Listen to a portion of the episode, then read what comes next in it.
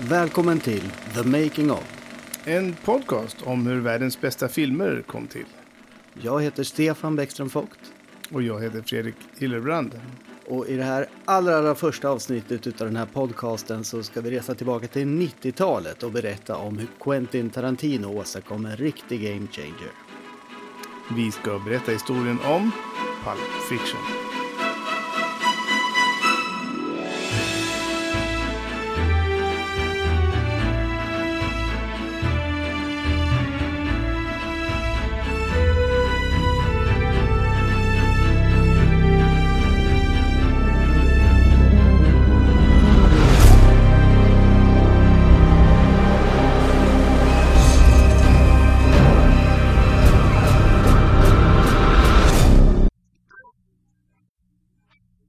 Vi ska som sagt tillbaka till 90-talet och eh, 1994 specifikt.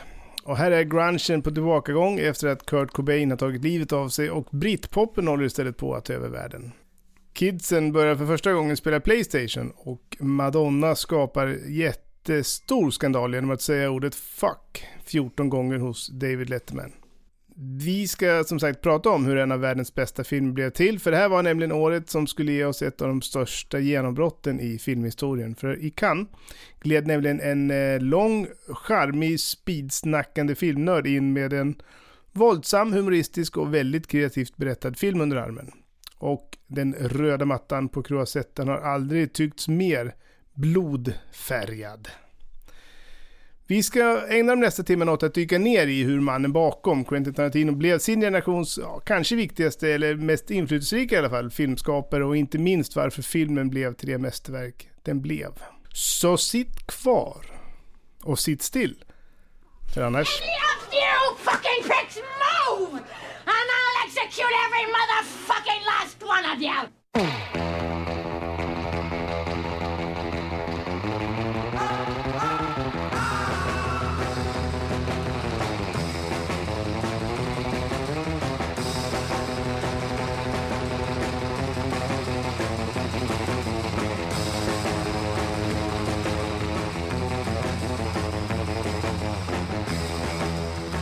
Big Dales Missy Lou fick eh, börja det här avsnittet, liksom också börja filmen vi ska prata om. För Pulp Fiction är ju verkligen en, ja, en favoritfilm för oss eh, båda två kan vi väl säga. Och vi såg den ju tillsammans vid den svenska premiären. Och var ju redan Tarantino-fans när den kom, för att vi hade ju sett Reservoir Dogs också i Stockholm på filmfestivalen.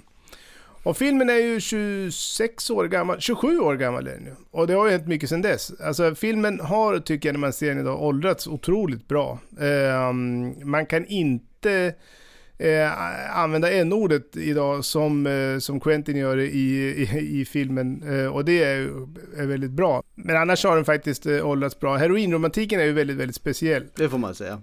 Och det var i alla fall inte så man, när man växte upp i 70-talets Västerås att eh, man fick veta att heroin var coolt. Och något man, man tog i det man skulle... Som man hade längtat. Nej, och efter den berättelsen. Ja, ja, ja, precis. Men sen är det också så här att vi kommer inte kunna berätta den här berättelsen utan att eh, beröra metoo-rörelsens absoluta huvudperson Harvey Weinstein. Men vi ska försöka ändå hålla fokus på filmen och inte minst Quentin Tarantino. Mm, och Pulp Fiction var ju Quentin Tarantinos andra film. Hans eh, debutfilm var ju som sagt Reservoir Dogs eh, och den kom ett par år tidigare, 1992. Och den här perioden som för oss biobesökare började med Reservoir Dogs och kulminerade med Pulp Fiction var en period då det formligen sprakade ut av kreativitet och, mm -hmm. och produktivitet hos Tarantino. För under loppet av ett par år så kom det ju inte mindre än fyra verk som på olika sätt hade hans signum. Och mer därtill ska jag säga. Och det var en hel del detektivarbete för att förstå i vilken ordning som saker egentligen skedde bakom kulisserna. Och det är ju det som ni kära lyssnare kommer att få ta del av nu. För den ena månaden så skrev han ju på True Romance och nästa månad på, på eh, Natural Born Killers. Och mitt i det här så kom ju manusen till Reservoir Dogs och embryot till Pulp Fiction till. Och på det så klämde han ju sig ytterligare ett manus eh, under året 1990 Eh, det var Från Dusk till Dawn som man känner till, det blev ju film 96 sen. Mm, just det. Eh, och det var ju en form av barterdeal då, det var en gäng effektkillar som eh, Tarantino hade kontakt med som, som ville ha sitt eget manus där de kunde få utlopp för sin, sina effekter och sin gore då. Och själva poängen med den filmen var ju i stort sett effekterna. Eh, och som utbyte för det då så fick eh, Tarantino en effektcrew till Reservoir Dogs. Så det var liksom som en bytesaffär. Ja, smart. Win-win. Ja. Eh, för att förstå hur och varför Pulp Fiction kom till så måste man förstå vem Quentin Tarantino var vid den här tiden. Eh, och det i sig är inte en dålig berättelse för eh, Quentins historia fram till Pulp Fiction är ju en fula ankungen historia utav bästa Hollywood-snitt. Quentin föddes i Knoxville, Tennessee 27 mars 1963. Hans mamma Connie var bara 16 år när hon födde honom. Och hans pappa Tony Tarantino, han var 22, så han var sex år äldre. Eh, drömde om att bli skådespelare, en dröm som aldrig riktigt skulle förverkligas egentligen. Nej. Eh, relationen höll inte länge, men eh, Conny, ensamstående småbarnsmamma, fortsatte att utbilda sig, fick ett bra jobb och flyttade så småningom till Torrance. Så jag skulle säga då att Knoxville, Tennessee ligger norr om Florida, så det är ganska långa avstånd här Mm. vi pratar om. Eh, Men, men som sagt, hon ville verkligen till eh, Los Angeles. Möjligen var det just drömmen om den här filmstaden, Hollywood, eh, som, som lockade. För hon älskade film. Ja, hon var väl en Eh, riktig filmnörd hon också. Mm. Ja, verkligen. Eh, Det är nog där det kommer ifrån från början. Hon döpte ju till exempel eh, Quentin efter Burt Reynolds karaktär Quint i tv-serien Gunsmoke. Så redan där började det. Det kom med modersmjölken. Mm. Och Connys största idol var Bruce Lee, så det blev mycket kamp, kamp, kampsportsfilm, heter det så? Kamp... Slåss, Karatefilm! slåssfilm. Ja. ja, eh, I skolan så gick det inget vidare för Quentin. Det var liksom ingen bra fit för honom. Han hade svårt för många ämnen. Hade liksom alltså kärnämnen som matte och engelska och sådär. Och, och samtidigt så var han utåtagerande. Och det här liksom, min teori är att han kanske hade någon form, hade fått någon form av bo- bokstavskombination i, i dagens värld då, så att säga. Eh, men, och de gjorde faktiskt några utredningar där på 70-talet. Eh, och bland annat så visade det sig att han hade 160 i IQ. Så det, den jävlar. begåvningen var det inget fel på. eh, men eh, som vi vet så är ju liksom, det är inte den enda förutsättningen för en bra skolgång. Så 16 år gammal, i samma ålder då som hans mamma var, eh, när hon blev gravid, så gjorde Quentin också ett stort livsval. Han, han bestämde sig för att hoppa av high school. Eh, och provade på eh, lite olika ströjobb, närde drömmar om att bli skådespelare, precis som sin pappa. Eh, och framförallt kanske då farfar, för hans farfar var västernskådis. Han liv, livnärde sig som det och var med i många filmer. Eh, så Quentin han hoppar på skådespelarutbildning, skaffar sig en agent som man måste ha i Hollywood. Mm, börja med det. Ja. Ja, Eh, men på de där hundratals, han, han, vad jag har förstått så var han på väldigt, väldigt många auditions och lyckas inte få en enda roll, bara, bara en enda. Och den vet du Fredrik. ja, det gör jag. Det är pantertanter, en statistroll. Och det, jag hade inte sett det innan och jag hade inte vetat att han var i den scenen så hade jag inte hittat honom heller. Men han står där på andra raden bland en massa eh, Elvis-kopior eh, vid någon form av bröllop. Och han står Mm. bakerst och har inte en enda replik och han överspelar ändå helt otroligt. Så att eh, Ja. det kanske finns en anledning till att de andra rollerna han haft har han gett sig själv helt enkelt. Ja, det gäller ju att stå ut va, liksom, det var ju ändå tio Elvis, Ja. så det, det, det gäller att agera när man får chansen. Ja, eh, Quentin var väl i mångt och mycket i den här åldern eh, en slacker liksom. Det var ju också en sån här 90-tals eh, epitet. Eh, när han drev omkring och spenderade sina dagar på videobutiken Video Archives på Manhattan Beach, det är, som ligger angränsat till Torrance då, där han bor. Och eh, han satt där och diskuterade film med personalen eller arkivisterna som de kallar sig för. Tills eh, den dagen då han blev anställd på den här videobutiken. Och här var smaken allt. Och, och jajamensan, och Tarantino visste ju alltid, alltid bäst. Han hade alltid bråk med de andra kollegorna där.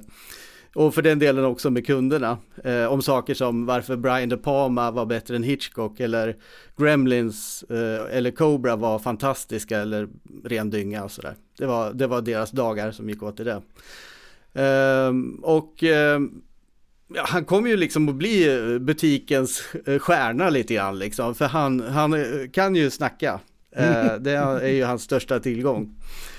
Så, och han har ju kallat den här tiden, för han blev faktiskt där i, i hela sex år som han jobbade på Video Archives. Så det, det var ju hans, hans skolgång så att säga, hans filmskola helt enkelt.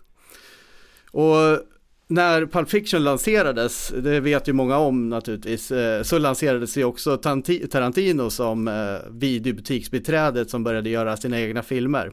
Och som sagt, den historien är ju sann. Det, det, var ju liksom inte förstärkt eller påhittad på något sätt. För han hade ju som sagt spenderat sex år eh, i de här lokalerna. Och det fanns definitivt eh, stunder då han såg ganska mörkt på sin, sin framtid.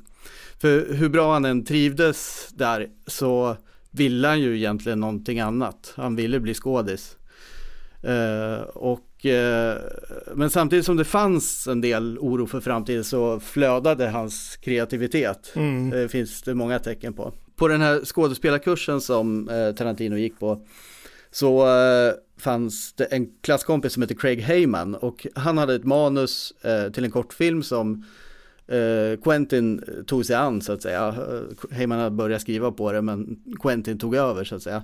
Och eh, han adderade scener fram till dess att det faktiskt hade blivit en hel långfilm. Och han var ju liksom inspirerad utav lite grann Jim Jarmers Stranger than Paradise, lite amerikansk eh, independent film liksom. Eh, förlåt, det var innan på... Clerks va? Clerks hade inte kommit än eller? För Nej, den kom ju samma, samma år sedan ja, okay. som eh, Reservoir Dogs. Ah, ja, okay. Eller om det var som 94 eller 92. Ja, lite senare i alla fall. Clerks, ja.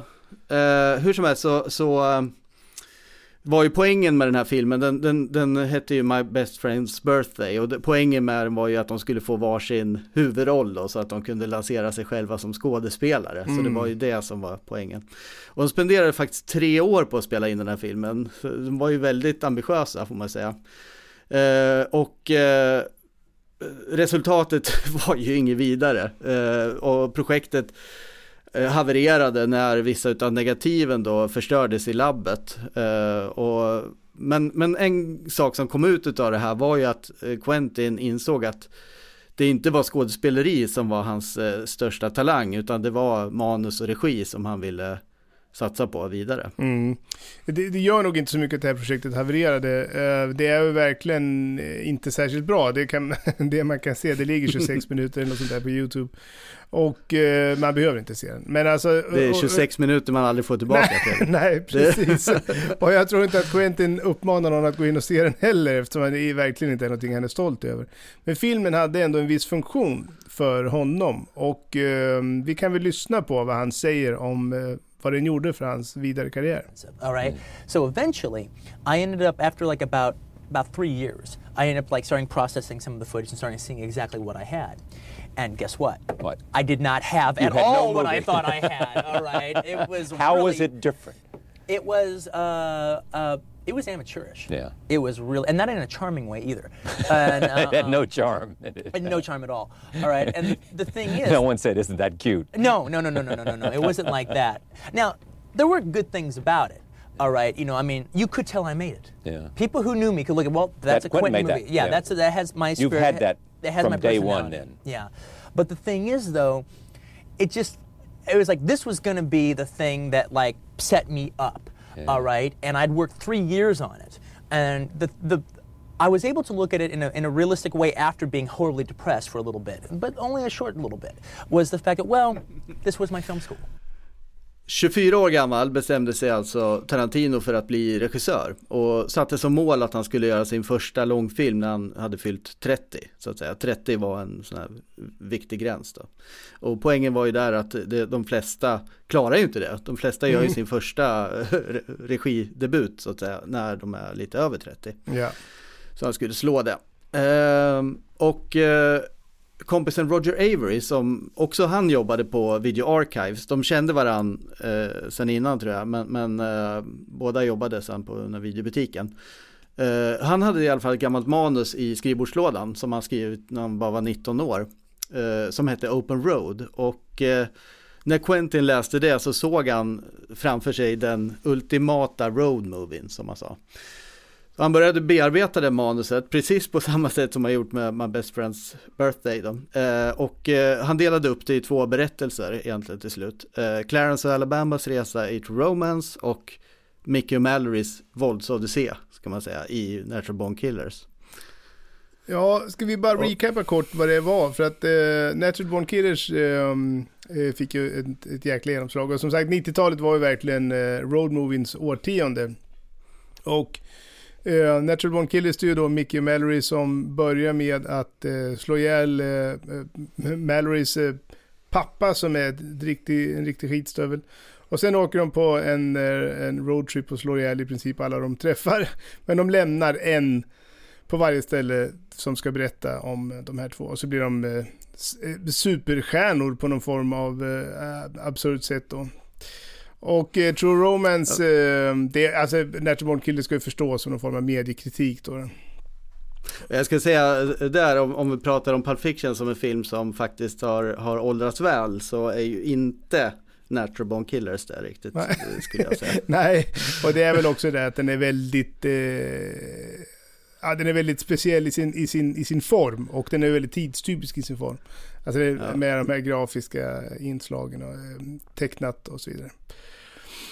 Och eh, den andra roadmovien då i True Romance, det är ju då eh, eh Clarence och Alabama som eh, träffas eh, genom ett av hon är call girl och han en, ja, en form av kulturell slacker, eller vad man ska säga. Och de hamnar i en jävla massa problem och får en massa kokain som de inte skulle haft och uh, får helt plötsligt uh, maffian efter sig och så vidare. Så att det, var, det, det är ju två, två ganska typiska 90-talsfilmer får man ju säga. Och man får också säga det att det som jag tycker är ganska intressant med de här två, det är ju att båda, alltså han skrev båda de här kärlekshistorierna som det är innan Quentin själv hade haft någon flickvän. Så att det var ju ren mm. fiktion för honom det också. Ja men det var, det är ju liksom, Alabama är ju prostituerad och det är liksom, det känns som en så här ganska ja, Det är väldigt stereotypt sättet. Ja. verkligen. Men, men uh, True Romance ska jag säga, den, den blev ju verkligen stilbildande på många sätt. Just den här road movien och liksom med folk som uh, det, såna, den typen av film såg man ganska mycket av på 90-talet. Ja visst, men den har ju åldrats mycket bättre än Natural Born Killers också. Det är ju faktiskt en bra film. Mm, ja, verkligen.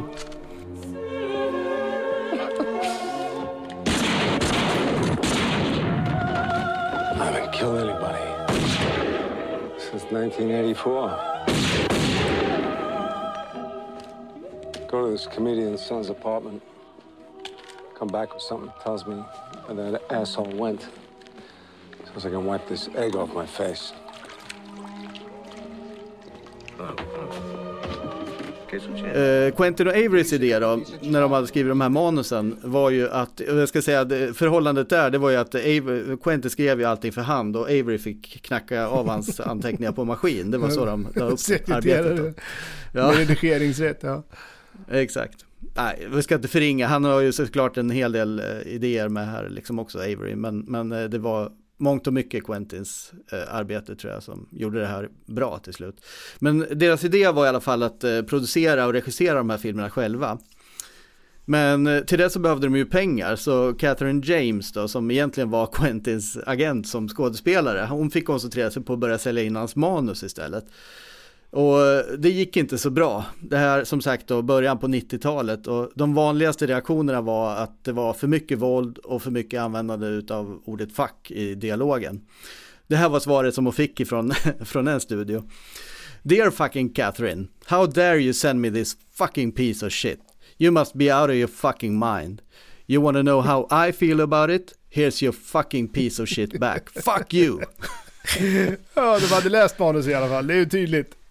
Ja, och refuseringsbrevet tyder ju på det, men man får ju också tänka på liksom topplistan 1990, den bestod ju av Ghost, Home Alone, Pretty Woman, Dansa med vargar och liksom True Romance skilde sig ganska markant ifrån den här typen av filmerna som, som Hollywood gjorde på den tiden. 18 sekunder in i True Romance har det förekommit fler fack i den än i alla de andra filmerna tillsammans. Det är ju nästan så att det är det som utmärker independent-filmen på den här tiden. Det är liksom antal gånger de säger fuck. Och amerikanerna har ett extremt speciellt förhållande till ordet fuck får man ju säga. Och som jag sa i inledningen så blev det ju verkligen ramaskri när Madonna var med i Letterman. Och och sa, ord, sa fuck 14 gånger och de började liksom spela in på ett annat sätt efter det med försening från inspelning till sändning från, så de kunde bipa ut eh, alla fula ord. Eh, och True Romance är ju faktiskt bara på 37 plats när det gäller användandet av ordet fuck om man tittar på en officiell fuck count-lista uh, och Reservoir Dogs till exempel, den, uh, den ligger då på en, på en 27 plats. Och där använder de ordet fuck 269 gånger. Och det är då mm. fyra mer än i Pulp Fiction, som således ligger på 28 plats på fuck count-listan. Man undrar ju vem som leder. Ja, den vet du inte vad det är. Fast det är ganska lustigt för att nummer två är, vad heter den, uh, Wolf of Wall Street. You wanna come up for some tea or something? Tea? Yeah. Like hot tea? Yeah. Oh yeah, that sounds nice. Yeah. Tea? Fuck yeah I wanted to come up for tea. Men eh, trots våld och explicit språkbruk så hade ju True Romance-manuset eh, någonting som inte gick att bortse ifrån. Och Tarantino och Avery hittade en finansiär för en högre budget än vad de hade tänkt sig. Och man kan ju tycka att det var bra med mer pengar, men det var det inte för Quentin och Avery, för att eh, med mer pengar så kommer ju också ha större risker såklart. Och eh, för att hantera det så ville finansiären inte ha en debutregissör i, i, som, som rådda projektet. Då. Så där försvann eh, Quentins drömmar om att få regissera den filmen. Dessutom fick Quentin och Avery gång på gång göra ändringar i manuset, vilket eh, frestade på deras vänskap också. Eh, från början så hade True Romance en, en liknande berättarstruktur som, som eh, Reservoir Dogs med flashbacks liksom hela, hela tiden. Eh, men eh, finansiärerna ville ha en mer eh, rak berättelse så det fick de ändra på helt enkelt. Eh, och Eh, Roger Avery då som, som inte står som författare till, till filmen, la, han la till en berättarröst som var Alabamas då. Eh, och så ville de ha ett lyckligt slut förstås. så Clarence fick överleva, de åkte till en paradisö och så fick de en son som de döpte till Elvis. Och, och det var ju liksom bara droppen för Quentin, även om det säkert var ironiskt, eller det är ju ironiskt menat, men eh, nej, äh, det var inte hans, eh, hans grej liksom. Och till råga på det så beskrev de den, god, eh, den godkände regissören, en, en före detta porrfilmsregissör som hette eh, Bill Lustig. Han beskrev den här filmen som Pretty Woman with a Gun. det låter vidrigt. Ja, det låter ju inte alls som det som eh, Quentin hade drömt om. Men du, jag kollade faktiskt upp Bill Lustig för att jag blev lite nyfiken på vad han annars hade gjort. Och eh, han har gjort en, en, en film som visst är en riktig en, en, en riktig kultfilm som heter Maniac Cop. Som har gjort... Ja, det, det vet jag vad det är. Ja, har du sett den? Ja, för att den Nej, kom... det har jag fan inte sett. Nej. Nej. Men jag vet vad det är för film. Ja, ja det, det kommer en remake. De håller på att diskutera en remake nu. Um, och dessutom är han skådespelare. Han är faktiskt med i Darkman. Sam Raimis Darkman om du kommer ja, ihåg ja, den. Ja, ja. ja, ja. Så att um, det var Bill Lustig. Mm. Men um, vad hände sen då? Så han existerar alltså, jag trodde det bara var ett namn alltså.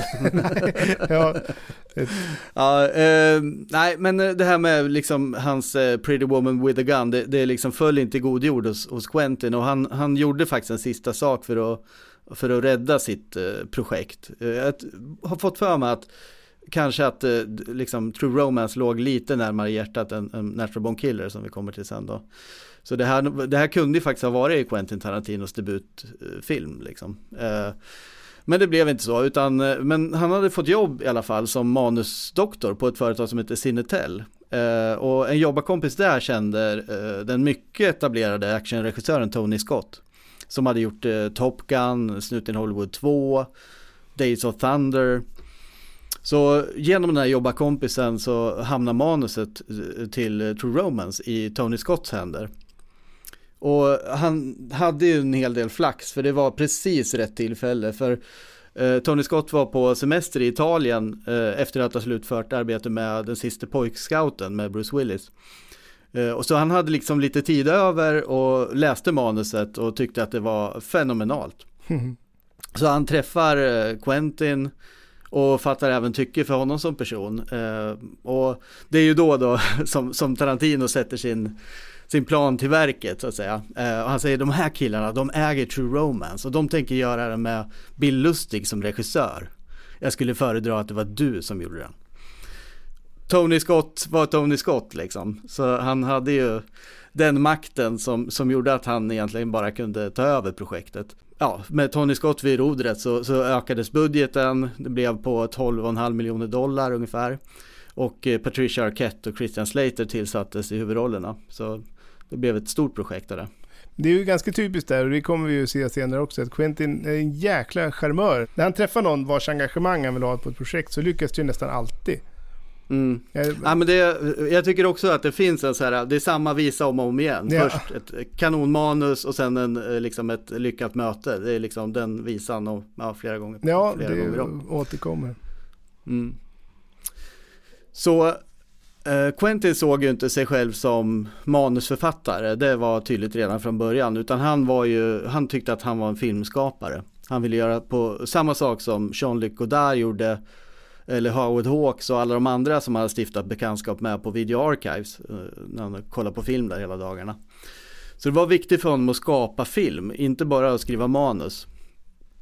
Eh, och så var det ju också det han ville göra med Natural Born Killers, nästa projekt då. Och för att få förtroende att eh, regissera Natural Born Killers så bestämde sig Quentin för att göra en kortfilm. Eh, ungefär som ett arbetsprov då. eh, som, som man har med sig från filmskolan när man går ut till exempel. Så han dammade av en gammal idé som han har haft om en film om ett, ett rån. Och det skulle utspela sig på samma plats då, en lagerlokal.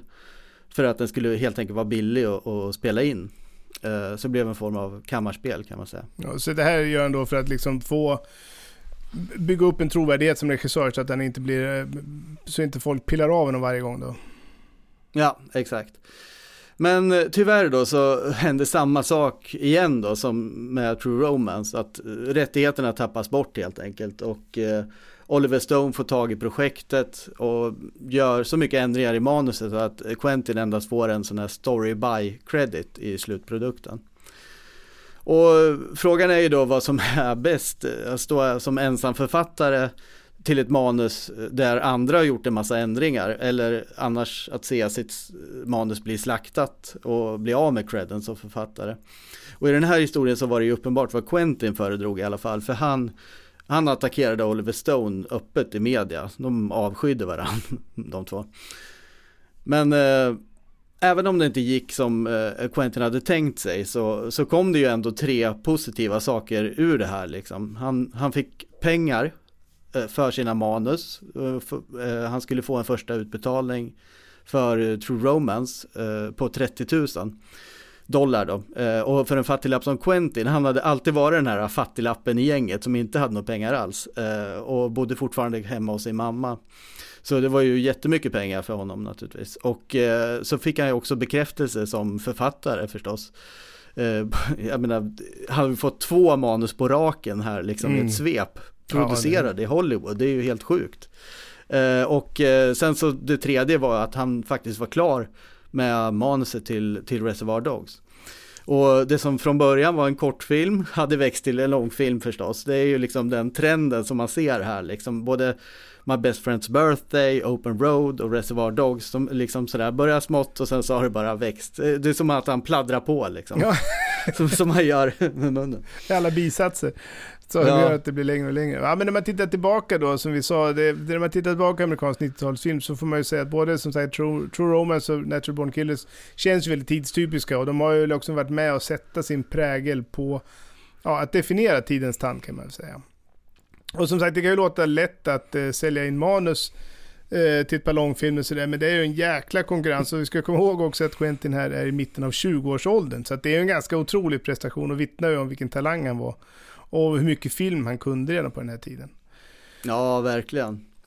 Och man kan ju säga då att eh, Quentins eh, ja, nyupptäckta förmåga att skriva manus, på ett sätt så satte det ju faktiskt krokben för honom, för hans ambitioner då om att bli eh, filmskapare eller både skriva och regissera filmer. Så manusen var ju helt enkelt för attraktiva. De, det var för bra berättelser och de blev för högt värderade och det gjorde att han som oerfaren regissör inte kunde få chansen helt enkelt. Men han kom ju trots allt närmare sin debut uh, som regissör här och uh, vi kan ju lyssna på vad han själv har sagt om skillnaden just mellan att skriva och att regissera. All right, but it's like, you know, now the whole thing about being a writer is if I do it on the page and I give it to somebody else and they screw it up, well, you know, I can like have righteous indignation about it and everything. But now if I do it on the page and I screw it up filming it, well then yeah manuset skulle ju fortsätta att vara nyckeln som öppnar dörrar för Tarantino. Både vad det gäller Reservoir Dogs och som vi snart ska se då i Pulp Fiction. För eh, Quentins filmer är ju karaktärsdrivna och han jobbar ju med klassiska begrepp som konflikt och statusförflyttningar och så vidare. Och han säger ju själv att hans erfarenheter som eh, skådespelare är det som har påverkat hans skrivande allra mest. Mm. Eh, för när han själv liksom ville bli skådis så skrev han ju då manusen på, på det vis som, ja, på så vis så blev det ju liksom fokus på, på karaktär. Eh, och det har ju fortsatt så, i hans filmer så är ju alla karaktärer viktiga så att säga. Birollerna är ju oftast väldigt utmejslade och, och attraktiva för, för skådespelare på det sättet liksom. Även om man bara har fem minuter i filmen. Vi skulle kunna prova faktiskt eh, att lyssna på vad eh, Gary Oldman eh, tycker om just hans förmåga att skriva. Quentin Tarantino, who is uh, really great. Uh, he's a he's a real cool new kid on the block.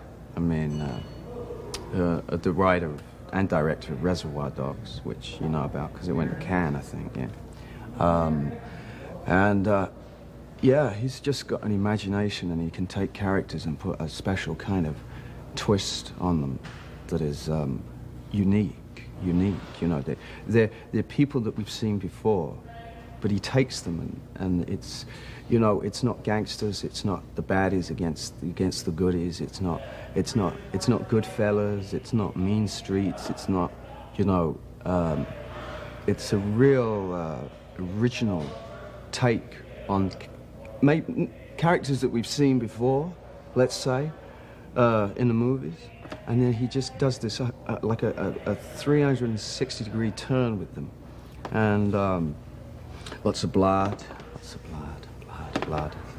Quentin hade en dröm att få Harvey Keitel till en av rollerna i Reservoir Dogs. Och de lyckades faktiskt få kontakt med honom. Och när vi säger dem så är det Quentin Tarantino, han har parat ihop sig med Lawrence Bender, eh, producent, som hade, var en eller två filmer mer erfaren än Tarantino så att säga. Mm. Han hade ett par filmer på sin meritlista helt enkelt. Eh, och eh, Bender blev ju viktig för, för Tarantino senare i hans karriär. Ja, de, gjorde, de har gjort alla filmer fram tills eh, metoo-bomben briserade ja, 2017 då. Mm. Då de var tvungna att skiljas åt. Ja. Ja, vi kommer ju tillbaka till Bender eh, senare. Men eh, i alla fall då, fokus på Harvey Keitel. Eh, Bender fick ju uppdraget att, eh, att eh, få kontakt med honom och eh, till slut så låg det ett, ett besked på Benders telefonsvarare som sa hej det här är Harvey Keitel. Eh, som fick honom nästan att svimma förstås. Och Keitel, han hade ju läst då det här manuset till Reservoir Dogs och eh, han träffar Quentin och gillar honom. Som Samma visa som ja. sagt. Ja. Eh, och trots att eh, Keitel har jobbat med Scorsese, han var ju, alltså Keitel var ju med i Mean Street, Scorseses eh, debutfilm, eh, som faktiskt var en independent film, jag var tvungen att kolla upp det. Men eh, Keitel, 52 eh, år då, eh, tyckte inte att hans generation riktigt hade tagit chansen att göra helt oberoende filmer. Så det här var liksom ett sätt för honom att sent om sidor uppfylla en dröm. Han skulle ju bli, eh, Harry Keitel skulle ju bli en av 90-talets största skådespelare i andra hälften då efter, eh, ja, efter pianot framförallt. Det var ju en jäkla roll mm. han fick där. Men eh, det, så det var han ju, helt den statusen hade han ju inte här i början på 90-talet. Men det måste väl ändå varit ett väldigt stort genombrott för, ifrån till att få filmen finansierad. Ja, verkligen. För Keitels medverkan eh, gav ju projektet en legitimitet då, när manuset skickades runt eh, för finansiering då. För nu var det ju helt plötsligt Harvey Keitels nästa film som det här var. Eh, och det var så det kom då till videobolaget Live, som de hette, och landade på Richard Gladsteins skrivbord. Och Gladstein eh, noterade att det på framsidan stod den ovanliga texten, ska jag säga, skriven och regisserad av Quentin Tarantino. Så det var ett tydligt statement då att här skulle det inte vara någon tvekan om vem som skulle vara regissör. Nej, när skulle han inte släppa en gång till, nej. Nej, eh, och Gladstein älskade manuset, eh, så han tänkte om den här killen bara inte fullständig skitstövel så nu gör vi den här filmen. Och så träffas de och, och Glastin, ja de kom bra överens helt enkelt och slöt ett avtal. Och, och, Live var ett bolag på den här tiden som, som gjorde lite av varje inom film kan man säga. Eh, de liksom bytte inriktning någon gång i halvåret och ombildade bolaget om och om igen och så vidare. Eh, och för första gången så skulle de nu pro producera en långfilm. Så på något sätt så var alla här på samma nivå. Så att säga. Så Live går in då som helhetsfinansiär med 1,6 miljoner dollar mot villkoret att de faktiskt hade Final Cut. Och det här var ju en, en milstolpe för projektet. Mm. Först har vi Keitel och nu så har de finansiering. Det är klart. Och Keitel han var ju liksom entusiastisk och engagerad. Han var ju långt mycket mer än bara en skådespelare i den här filmen. Han blev ju så småningom också producent, eh, vad heter det, co-producer eller något sånt där. Yeah. Och eh, han blev ju som en mentor för de här uh, ungtupparna, både, både Bender och Tarantino då, några över 20 liksom, och eh, så småningom också de andra skådespelarna. Därför att Eh, Eh, han tog med Tarantino och Bender på en resa till New York och det var en jättegrej för Tarantino till exempel. Han har ju liksom aldrig varit utanför Los Angeles eh, i stort sett. Och eh, de åkte till New York och radade upp auditions där. Eh, och det är ju liksom Keitels hem, hemkvarter kan man säga då. Och det var där de också hittade då, jag tror kanske att Tim Roth kom till i Los Angeles, men Steve Buscemi och Michael Madsen till exempel. Ja, okej. Okay. Eh, så att eh, där hade de sin crew helt enkelt, ja. sitt, sitt team.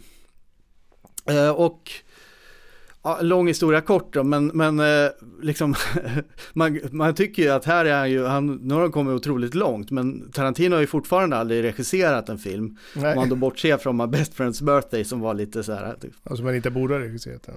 Nej, exakt, och det var ju kanske inte han själv som gjorde det heller, utan det var väl någon form av samarbete där. Men i alla fall, han fick eh, då en intensivkurs kan man väl kalla det för på The Sundance Institute som är kopplat till Sundance-festivalen. Eh, där han gick två veckor tror jag tillsammans med Steve Buscemi och eh, eh, ja, övade in några scener från filmen helt enkelt liksom, och fick lite tips då från, från folk. Eh, sådär. Och eh, när man kom då till inspelningen för Reservoir Dogs så, så Tarantino var ju inte sen att erkänna att han var ju den som visste allra minst om hur man spelar in film här. Liksom. De, de, de andra hade ju mera på sina meritlistor och inte minst Harvey Keitel. Men eh, Tarantino var ju faktiskt expert på grundmaterialet. Eh, alltså det var ju han som hade skrivit berättelsen och han visste ju allt om karaktärerna och deras motivation och så vidare. Så att, eh, det, det, var ju liksom hans eh, bidrag och där han kunde känna att han hade lite självförtroende i mm. så att mm. säga. Och man kan väl säga att det är väl två förmågor tror jag som, som, som generellt eh, liksom karaktäriserar Tarantino som, som regissör bakom spakarna så att säga. Och det är ju dels att han är otroligt verbal.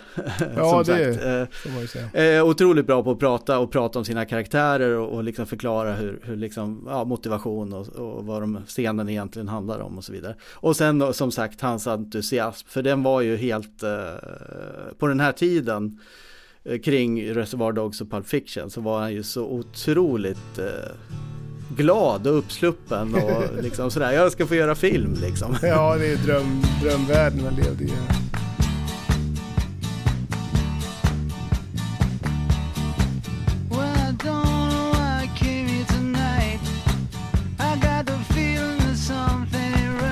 inspelningen slutfördes då på, under hösten 1991 och så var det ju premiär då på Sundance-festivalen i januari 92. Och hur gick det där då? Ja, det gick bra. Det, publiken gillade filmen. Och eh, Quentin hade priskänning egentligen och ett pris i Sundance är ju ett rejält uppsving liksom. Det skulle ju kunna vara ett, ett genombrott helt enkelt för, för Tarantino. Men eh, han blev väldigt besviken för det blev ingenting. Eh, han vann inte priset mm. trots mm. att eh, det, det, var festivalens snackis egentligen, Reservoir Dogs. Men han gick i alla fall inte lottlös därför att eh, Bröderna Weinstein var där på fes festival och de såg Reservoir Dogs och eh, deras eh, familjeföretag då, Miramax, skulle ju senare bli indievärldens giganter. Eh, inte minst tack vare Quentin, men eh, de var ju redan stora på den här tiden så eh, de hade ju plockat upp till exempel uh, The Crying Game, Sex lögner och videoband, Bind mig älska mig, Kärlekhet som chili, så de var en sån här independent distributör helt enkelt. Mm, det är ju utländska tog... filmer, eller ja, icke-amerikanska filmer allihop. Men, ja, ja, precis. Det finns säkert andra exempel också. Ja, men ja, de tog eh, hand om den amerikanska eh, distributionen av Reservoir Dogs i alla fall. Mm. Och nu är det ju som sagt så att jag hade spelat in den här podcasten i början på, ja för fyra år sedan, i början på 2017. Då hade vi kanske sagt någonting komiskt om eh, att Weinstein är en gammal Hollywood-pamp och Säkert hade vi hyllat hans otroligt positiva inflytande på indiefilmen i USA från 90-talet till 10-talet. Men så eh, hände ju då det här i början på oktober 2017 att det kom en artikel i New York Times som eh, placerade honom i eh, ett otroligt eh, dåligt ljus. Och sen kom ett tweet från Alissa Milano som skulle förändra Hollywood och ja, på sitt sätt hela världen kanske för alltid. Och eh, Harvey Weinstein hamnade ju då i rörelsens absolut, metoo-rörelsens absoluta centrum som den seriekränkare han visade sig att vara. Och 1991 var det inte något som kommit fram och Weinstein, Bender och Tarantino var en treklöver som älskade varandra och uh, blev väldigt, väldigt rika och maktfulla genom sitt samarbete. Mm. Och eh, de pratade ju länge om, alltså, alltså upp 2014, 15, 16 kan du hitta intervjuer där de pratar om hur mycket de tycker om varandra och hur beroende de eh, är av varandra, de tre och så vidare. Men efter då 2017 har inte Quentin jobbat, eh, naturligtvis inte med Weinstein, det är det ju ingen annan som har gjort heller, men heller inte med Bender faktiskt, som ansågs medskyldig till några av Weinsteins övergrepp. Och eh, Bender har inte heller haft någon stor karriär sedan 2017. Han har gjort lite filmer och det, vi, jag, jag läste att det är någonting som är på gång eh, igen här. Och vi kan ju bara citera från vad vi vet eh, från genom artiklar och citat och så vidare. Men om man, Quentin själv i alla fall, det han sa då och eh, han har tänkt tillbaka på den här tiden så har han sagt att jag visste tillräckligt för att göra mer än jag gjorde. Och hade jag tagit mm. ansvar mm. för det jag hörde och gjort det jag skulle så hade jag varit tvungen att avbryta mitt samarbete med honom. Så um, det är en ganska, det är, det är en mörk eh, sida det här tycker jag, när man tittar ner i, i den här perioden. Ja, men vi kommer inte undan som sagt Weinstein i det här avsnittet och eh, här var han bara distributör. Och han hade ju en ganska speciell eh, idé om vad man skulle göra om i det så var Dog Stefan, vad var det det var? ja, eh, nej men han såg en potential eh, med den här filmen, eh, den stod ut från mängden. Och, men han var ju skeptisk till det som faktiskt stod ut allra mest, den här eh, så kallade öronscenen. Eh, och, och, det är ju det när de eh, tar ett rakblad och skär av örat på en polis som de, som de håller på att förhör, de här rånarna. Och eh, han, han sa det, för, för, det är ju en ganska, även om kameran panorerar bort så är det ju en ganska grafisk scen. Den är, den är ganska, eh, ja, man, den, den, kan vara jobbig så att mm. säga. Eh, och han tyckte liksom Weinstein då att tar man bort den film, den scenen så då blir det succé. Om man har kvar den, då förlorar vi kvinnorna. Så han gjorde ett vetenskapligt test då. Han bjöd in sin fru och svägerska till en visning. Och vad tror du händer? När scenen kommer då hoppar de ut ur stolarna som skjutna ur en kanon då. Där ryker kvinnorna, sa Weinstein. Det, det är ungefär så många tv-chefer använder ehm, sina, sina anhöriga eh, när de ska få igenom sin vilja. Så den slags fokus, fokustest förekommer även idag i tv-branschen kan jag avslöja. Mm. Producenten eh, som sagt då, Richard Gladstein, han hade ju final cut på den här filmen. Och, eh, det, så det var ju inte Quentin som kunde fatta beslut om det skulle klippas bort eller vara kvar. Men tack och lov så, så stod eh, Gladstein kvar på, eller han stod på Quentins sida så att säga. Så scenen fick faktiskt vara kvar. Men Weinstein han vidhöll ju efteråt också att, att han hade rätt. Därför att han tyckte att varenda recension innehöll en varningstext. Eh, som den som man ser på ett cigarettpaket. Det var liksom hans inställning. Miramax eh, motto var ju cash and kudos och i det här fallet var det ju tyvärr då för Weinstein kanske mer kudos än, än cash. Även om filmen faktiskt gav eh, liksom utdelning till finansiärerna och inte minst så gick det ju bra på, på videomarknaden. Men eh, kudos är ju inte fel egentligen liksom för det hade ju börjat i Cannes eh, i maj 1992 för Live hade ju ett avtal då med ett internationellt bolag som hade sålt in Basic Instinct, Total Recall, Terminator 2, det var ju liksom några av årets största filmer. Så de hade alla sina stjärnor där i Cannes för att promota de här filmerna, alltså James Cameron, Oliver Stone, Paul Verhoeven. Och Gladstein har ju berättat då att plötsligt så var vi inbjudna till den stora båten genom Live då såklart. Som fick flottera sig med eliten där. Och eh, vid det här laget så träffade ju vi eh, Quentin, inte i Cannes då, men eh, på Stockholms filmfestival i november 92. Och vad var ditt intryck av honom då Fredrik? Ja men han, var ju, han passade ju perfekt där för att eh, han, han, såg ut som alla andra. Han gick om, lång och sjavig med flottigt hår och en, en, en, en skinnjacka liksom. Stod och hängde i, i barerna och snackade film. Så att han var ju som, som vilken annan biobesökare som helst och det är ju ganska lustigt när man har sett eh, den resa han har genomgått och blivit en sån jävla superstjärna själv liksom. Mm. Men eh, ja, vi sprang in i honom vid något tillfälle när vi hade sett eh, en dokumentärfilm om Peter Tosh. Regellegenden mm. Peter Tosh. och han stod och recenserade filmen till den regissören. och så vidare. Nej, men han, det var, ja, det, han passade det. Som, eh, som hand i handske på en filmfestival får man säga. Ja, verkligen. Jag vet att det finns en rolig historia, vi behöver inte dra den för det blir för långt. Men, men eh, Peter Jackson blandade ihop honom med en festivalbesökare också. Så liksom, ja, eh, det förstår i, jag att han gjorde. Ja. Ja, i alla fall så, och faktum var ju att vid den här tiden då, när vi träffade honom, då hade han ju faktiskt gjort uh, den resa som många, många drömmer om faktiskt, oss själva inräknade. Ja, det får man ju säga, det var det vi var försökte. Liksom, ja.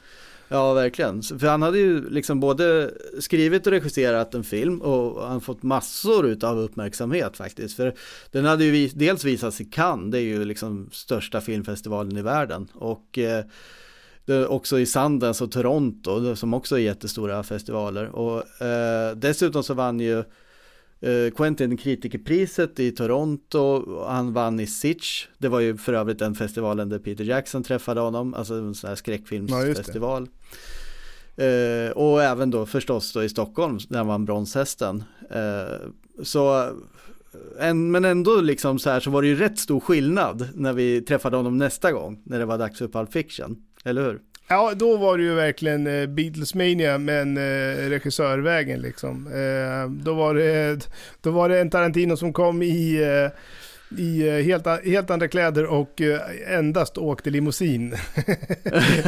och det var, det var ju jäkligt speciellt det där, för att vi var ju inne, ja, åren, två år innan då hade man ju bara kunnat träffa honom i, i en lobby och stå och snacka med honom. Men när han kom här, då var det ju eh, Q&A som man skulle lösa biljett till och man skulle in och stå på i kö. Ja, på Gino ja, just det. Och det var en, en, intervju där, vi måste, bara, vi måste beröra det här för att det är faktiskt ganska komiskt. Men eh, när han kom dit med Ronny Svensson som Eh, eh det var då kanske två dagar efter premiären i Sverige och Ronny Svensson intervjuade Tarantino. Och ehm, då säger Ronny Svensson helt plötsligt att ja, det är ju lite speciellt det där att eh, du slår ihjäl din huvudperson ungefär eh, en tredjedel eller halvvägs in i filmen. Och det blir ganska dålig stämning. Tarantino säger, men alltså nu är det ju kanske inte så att alla har sett filmen eftersom den precis haft premiär. Men vi skulle väl kunna spekulera i att kanske är det en karaktär i filmen som kanske dör och kanske kommer tillbaka lite senare eftersom strukturen är uppbruten. Ja, nej det var, det var inte sådär kanon. Det var inte hans största dag kanske. Nej, det var en typisk Ronny Svensson då. Ja. Ja, eh, nu börjar vi som sagt eh, till syvende och sist eh, närma oss Pulp Fiction faktiskt. För, eh, och man, man, kan säga då Pulp Fiction eh, var ju då Quentin Tarantinos andra film och eh, som den filmnördan är så har han naturligtvis läst sig in på andra filmskapares karriärer så att säga. Och han visste att med den andra filmen så höjdes liksom insatserna. Han, han visste att liksom Pulp Fiction skulle bli otroligt viktig för hans karriär. En tredje film kan du ju misslyckas med och ändå klara det så att säga. Men en andra film skulle kunna avsluta en karriär även om den har börjat så här lovande som det har gjort för Tarantino. För det hade han sett exempel på. så frågan var eh, liksom one and one hit wonder eller var han här för att stanna? Och Tarantino ville inte fastna i gangstergenren. För han hade idéer om filmer i andra genrer redan då, så att säga. Eh, det har ju liksom varit definierande för hans karriär, att han hoppar liksom från genre till genre och vill, vill göra, förnya genrerna, så att säga. Men eh, samtidigt så hade han en film som verkte, eh, en film som han måste få ut ur sitt system då, så att säga. Sen kunde han gå vidare. Så redan från början så var Pulp Fiction gjord som ett, en form av avsked.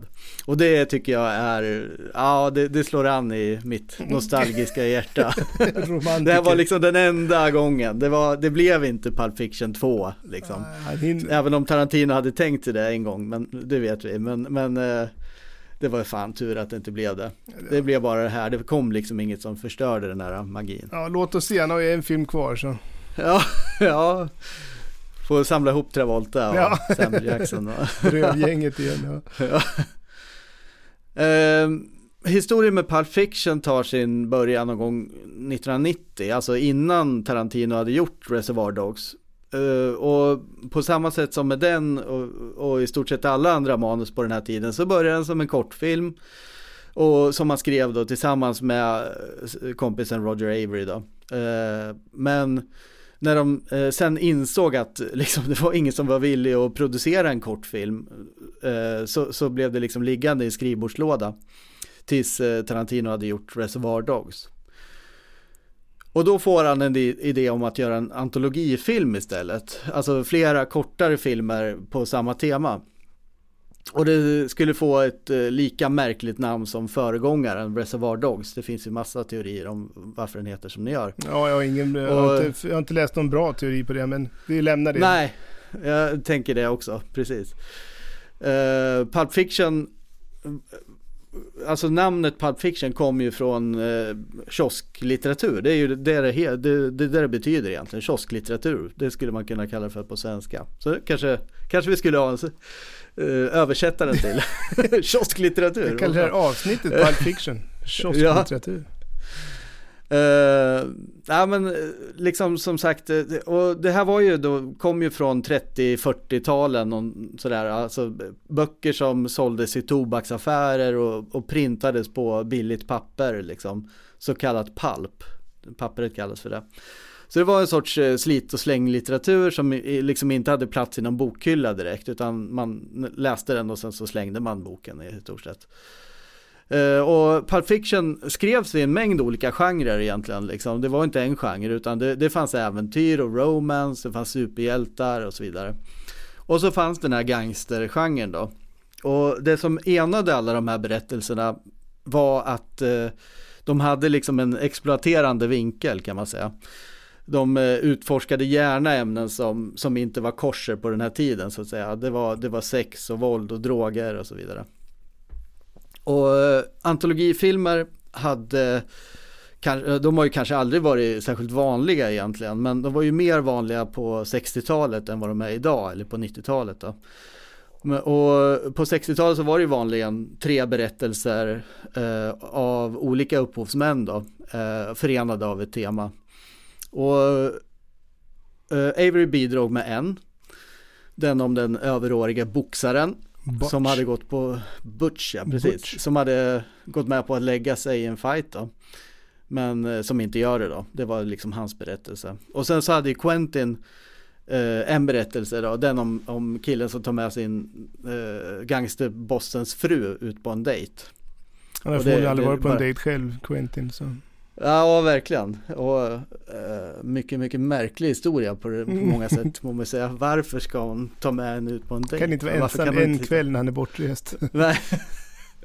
hon måste ut och bli uh, luftad. Ja. ja. och uh, Ja, han liksom, när, när det inte dök upp någon tredje författare, jag, de, de, exakta förvecklingarna här ska jag säga är lite hullda i dunkel, men, men det, de hade i alla fall ingen tredje och eh, då började Quentin istället skriva den här tredje berättelsen själv. Och eh, då började han, eh, och, och, då kom han på en berättelse om två hitmen som skulle döda några killar. Det var liksom, han, han, vill, han pratar om de här berättelserna som de äldsta berättelserna i, i liksom filmhistorien i stort sett. Eh, de berättelserna som man har hört tusen gånger, det var liksom hans idé då om att uppgradera dem lite grann. Eh, och då börjar han tänka på att den ena gangstern kanske är den samma som tar ut maffiabossen på en, eh, maffiabossens fru, ska jag säga, på en dejt. Och då kom han på att börja liksom nysta i det där och kom på idén då att eh, väva samman de här tre berättelserna och ha karaktärerna gåendes in och ut i varandras stories då. Att huvudkaraktären i den ena kan vara bifigur i den andra storyn. Mm. Sådär. Han har ju sagt... Och det var ju ganska udda grepp, får man säga. Ja det där med två hitmen som är på väg någonstans. Han har ju sagt att det som han tyckte var roligt med det var ju att man har sett den där scenen tusen gånger med eh, två snubbar som är på väg till jobbet och de kanske möts i någon carpool där de delar bil. Eh, det gör man väldigt, det är väldigt vanligt i Los Angeles för att då kommer man snabbare, får man åka i en annan fil. Men eh, så de sitter i en carpool och eh, bara är på väg till jobbet. Men de här killarna har lite, ett lite speciellt jobb ifrån lite så många andra för de ska ut och skjuta, skjuta ett gäng eh, vita snubbar liksom. Mm. Ja. När det inte längre skulle bli en antologifilm så erbjöd sig Quentin att eh, köpa loss eh, Averys episod. Så han erbjöd honom 27 000 dollar för, för den. Eh, men Avery tackade nej till att börja med. Och eh, då så ställde faktiskt eh, Quentin ett ultimatum. Han sa att om inte Avery går med på det här då kommer, då kommer han att skriva en, en annan berättelse till Pulp Fiction. Och eh, Avery då som var skuldsatt eh, skulle bli helt utan betalning.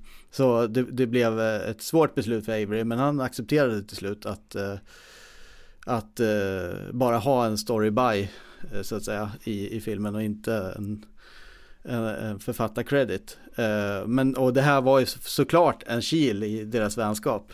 Ja, alltså om man blandar in hot och pengar i en vänskapsrelation så, så eh, kan man ju förstå att det blev lite infekterat kanske.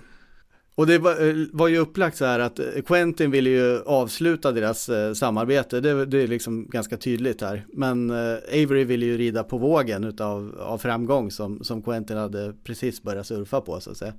Och eh, idén, alltså Quentin är ju otroligt eh, vad ska man säga, eh, eh, mån om sitt namn. Och han ville att det skulle stå written and directed by Quentin Tarantino på affischen till, till Pulp Fiction. Och för det skulle ju också lansera honom då som en autör, alltså mm. både manus och regi så att säga. Eh, och det gick ju inte om, om Avery stod eh, också som författare. Och Avery då skulle ju få en story by credit istället. Och samtidigt Avery och han, från hans håll då, han ville ju att hans, för han hade ju en film som heter Killing Zoe som var hans eh, regidebut då. Eh, som eh, han skrev och regisserade den och eh, Quentin var ju faktiskt medproducent i Killing Zoe också. Och han, på, den ville, på, på den affischen så ville han att det skulle stå från skaparna av Reservoir Dogs. På affischen, men det ville ju inte Quentin, vilket Nej. ju är ganska uppenbart för det är ju Det kan man förstå han har ju inte riktigt skapat Reservoir Dogs. Uh, um, Även om han har skrivit uh, en liten, liten textsnutt som är i bakgrunden på radion. Mm. Ah, just det. K-Billy's super sounds of the 70s weekend just keeps on coming with this little ditty that reached up to 21 in May of 1970. The George Baker selection, Little Green Bag. Och ja, värt att kanske säga då om Averys eh, eh, livsöde kan man väl säga då. Att så småningom så gick ju Avery och Tarantino skilda eh, vägar. Och Tarantinos eh, karriär gick ju mot, verkligen mot stjärnorna och Averys tog en helt annan vändning. För, eh, han, han, för det första så eh, karriärmässigt så, så blev det liksom ingenting utav. Han, han har skrivit manus till den här actionäventyret Beowulf, har du sett den? Nej. det har jag faktiskt, ja, har jag sett den? Jag vet inte fan, men det, den är, det är inte en bra film kan jag säga. Med gott eh, samvete. Men eh, i januari då 2008 så, så satte han sig i bilen med, med sin fru och en vän efter ett restaurangbesök och eh, det ledde till att han berusad körde in i en stolpe i 160 km i timmen. Och hans vän dog, eh, hans hustru blev allvarligt skadad och själv så klarade han sig men han fick ju sitta i fängelse mm. för det då ett år. Usch. Eh, ja. Och det är ju först nu som han är på väg tillbaka igen. För 2019 så skrev han och regisserade en actionkomedi som heter Lucky Day då.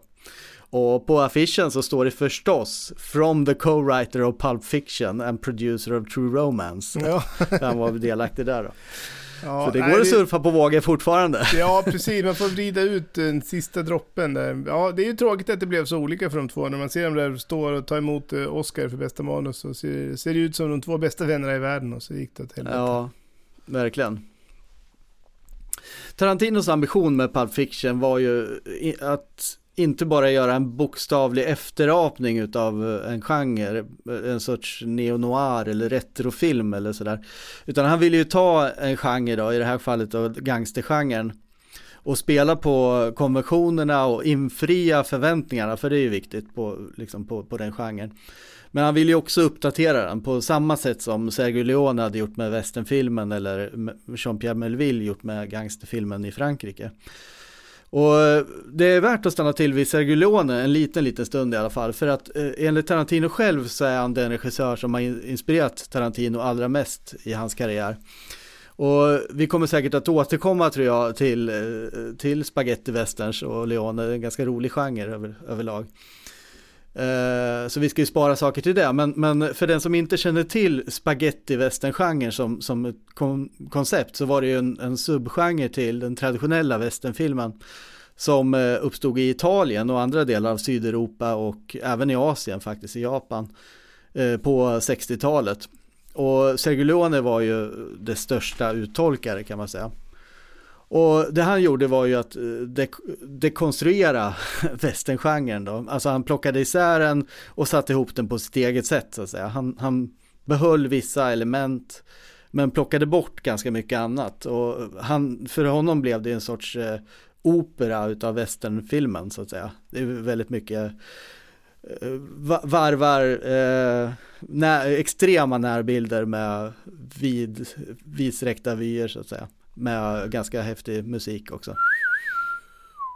Vet du vad man kallar eh, westernfilmerna som görs i Asien? Äh, är det ett skämt? Kanske. Kanske. ja, få höra. Östern, västern.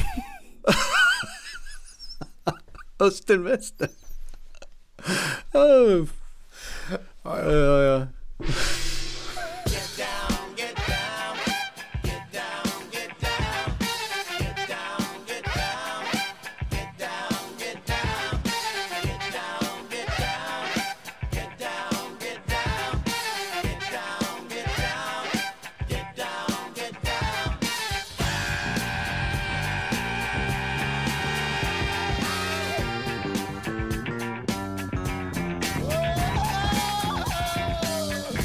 Med Pulp Fiction så ville ju alltså Tarantino göra samma sak eh, med gangstergenren. Han ville dekonstruera den då. Och hur gjorde han det då? Jo, man kan ju säga att Reservoir Dogs var en ganska typisk eh, gangsterfilm liksom. Eh, även om den var ju smart gjord och, ganska annorlunda sådär på många sätt. Men eh, grundtesen i den och är ju densamma som i alla andra gangsterfilmer. Så att säga att skapa spänning genom att skapa en liksom förhöjd och intensiv verklighet så att säga. Liksom förtätade scener och konflikt och klimax och så vidare. Eh, men med Pulp Fiction så gjorde han ju på sätt och vis tvärtom. Liksom. Här följer vi två gangsters som är som hämtade från, från Reservoir Dogs. Men, men vi följer dem i deras vardag som du var inne på tidigare Fredrik. Eh, de går och småpratar och stämningen är ju ganska avslappnad ja. i många delar. Liksom. Och till slut så dekonstrueras ju till och med liksom deras gangsteruniform när de byter den svarta kostymen och slipsen mot eh, kortbyxor och t-shirts. Liksom. Mm. Det är ju ett av de komiska elementen där. Det, det, var, jag, det var väldigt medvetet gjort av Tarantino ska jag säga. Ja. Med Pulp Fiction så inverterade ju Tarantino också på sätt och vis Buddy-filmen som ju hade varit populär på 80-90-talet, framförallt på 80-talet. Eh, du vet alltså två poliser som käftar med varandra liksom på ett småputtrigt sätt så att säga. Ja, ja. Crockett och Tubbs i Miami Vice eller Mel Gibson och Danny Glover i Dödligt vapen eller ja, Nick Nolte, Eddie Murphy 48 timmar och så vidare. Ja, nu var det slutkäftat för poliserna. Nu var det istället eh, kontraktmördarna som vi skulle få roa oss med. Mm, sitter där och småtjabbas, ja. Ja. Uh, och inte minst så fångade ju hans manus någonting i tidsandan ska jag säga. Det var väl kanske, vad vi varit inne på lite grann också, det var kanske det viktigaste. Eh, och det var ju inte undra på att eh, liksom en eh, opportunistisk filmskapare som Oliver Stone, som, som att han blev eld och lågor över Natural Born Killers när Henry en massmördare och Mad Bites Dog ju hade skapat ramaskri och moralpanik eh, liksom för sina grafiska och nihilistiska skildringar av seriemördare. Och eh, jag tycker framförallt att uh, True Romance och Natural Born Killers har lite någonting, något grunge-aktigt över sig. Så att säga. Uh, vilket ju var väldigt tidstypiskt då på 90-talet. Ja, verkligen. Och Quentin Tarantino kom ju fram i ett, liksom ett sammanhang, det ska man inte glömma liksom att i, i början av 90-talet så var ju den amerikanska independent-filmen otroligt stark. Den har väl aldrig varit så stark tror jag senare. Nej, inte sen dess, inte sen dess heller. Nej. Och den var ju driven utav autörer, alltså för autörbegreppet är ju liksom alltså en, en det, det, som Quentin egentligen ville vara, alltså en filmskapare som, som har ett tydligt personligt avtryck i sina filmer.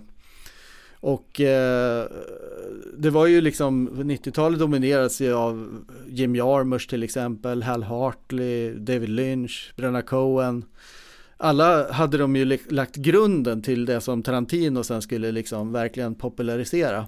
Och de hade ju ganska mycket gemensamt får man ju säga, även om de var, gjorde väldigt säregna filmer. För de hade ju alla glimten i ögat till att börja med. Och de hade ju alla sin take så att säga på postmodernism och popkultur och, och genrefilm.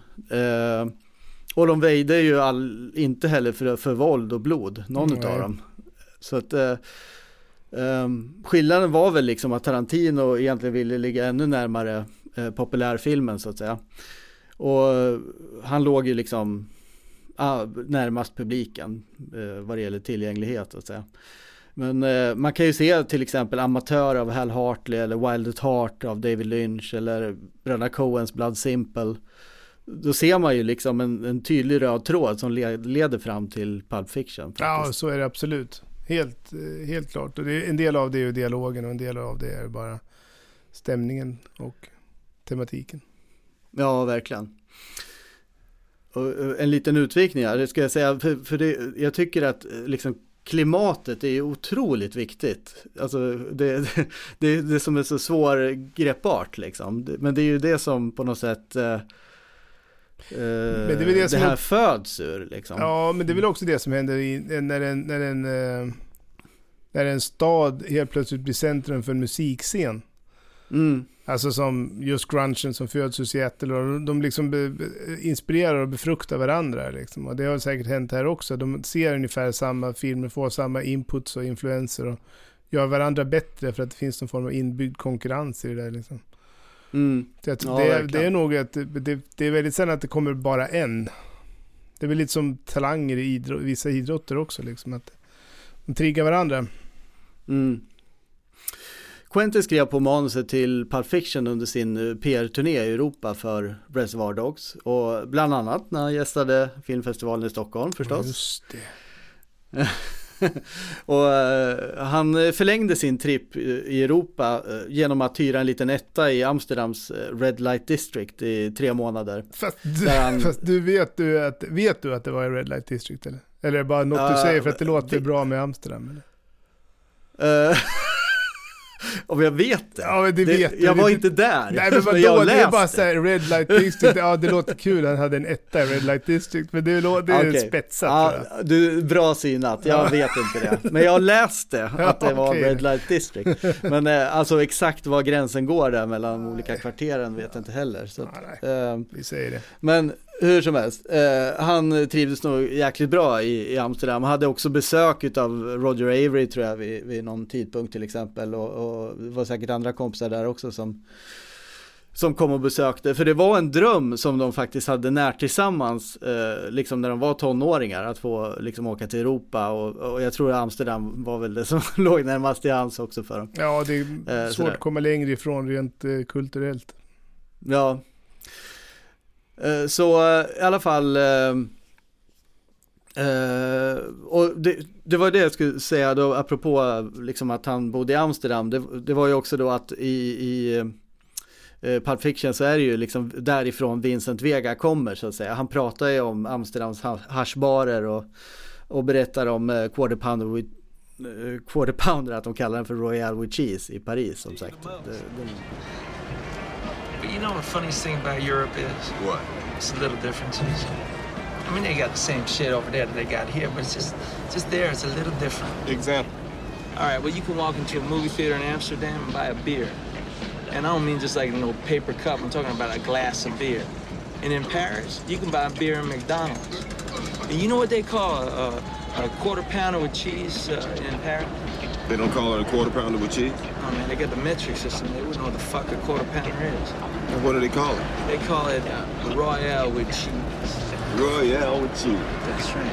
What do they call a Big Mac? Big Mac's a Big Mac, but they call it Le Big Mac. Le Big Mac. what do they call a Whopper? I don't know, I didn't go on a Burger King. Så det var självupplevt. Och eh, han måste ju ha trivs fantastiskt bra under den här perioden, tror jag. Eh, för bara ett par år sedan så hade han ju fortfarande stått och serverat kunder i, expedierat kunder i Video Archives.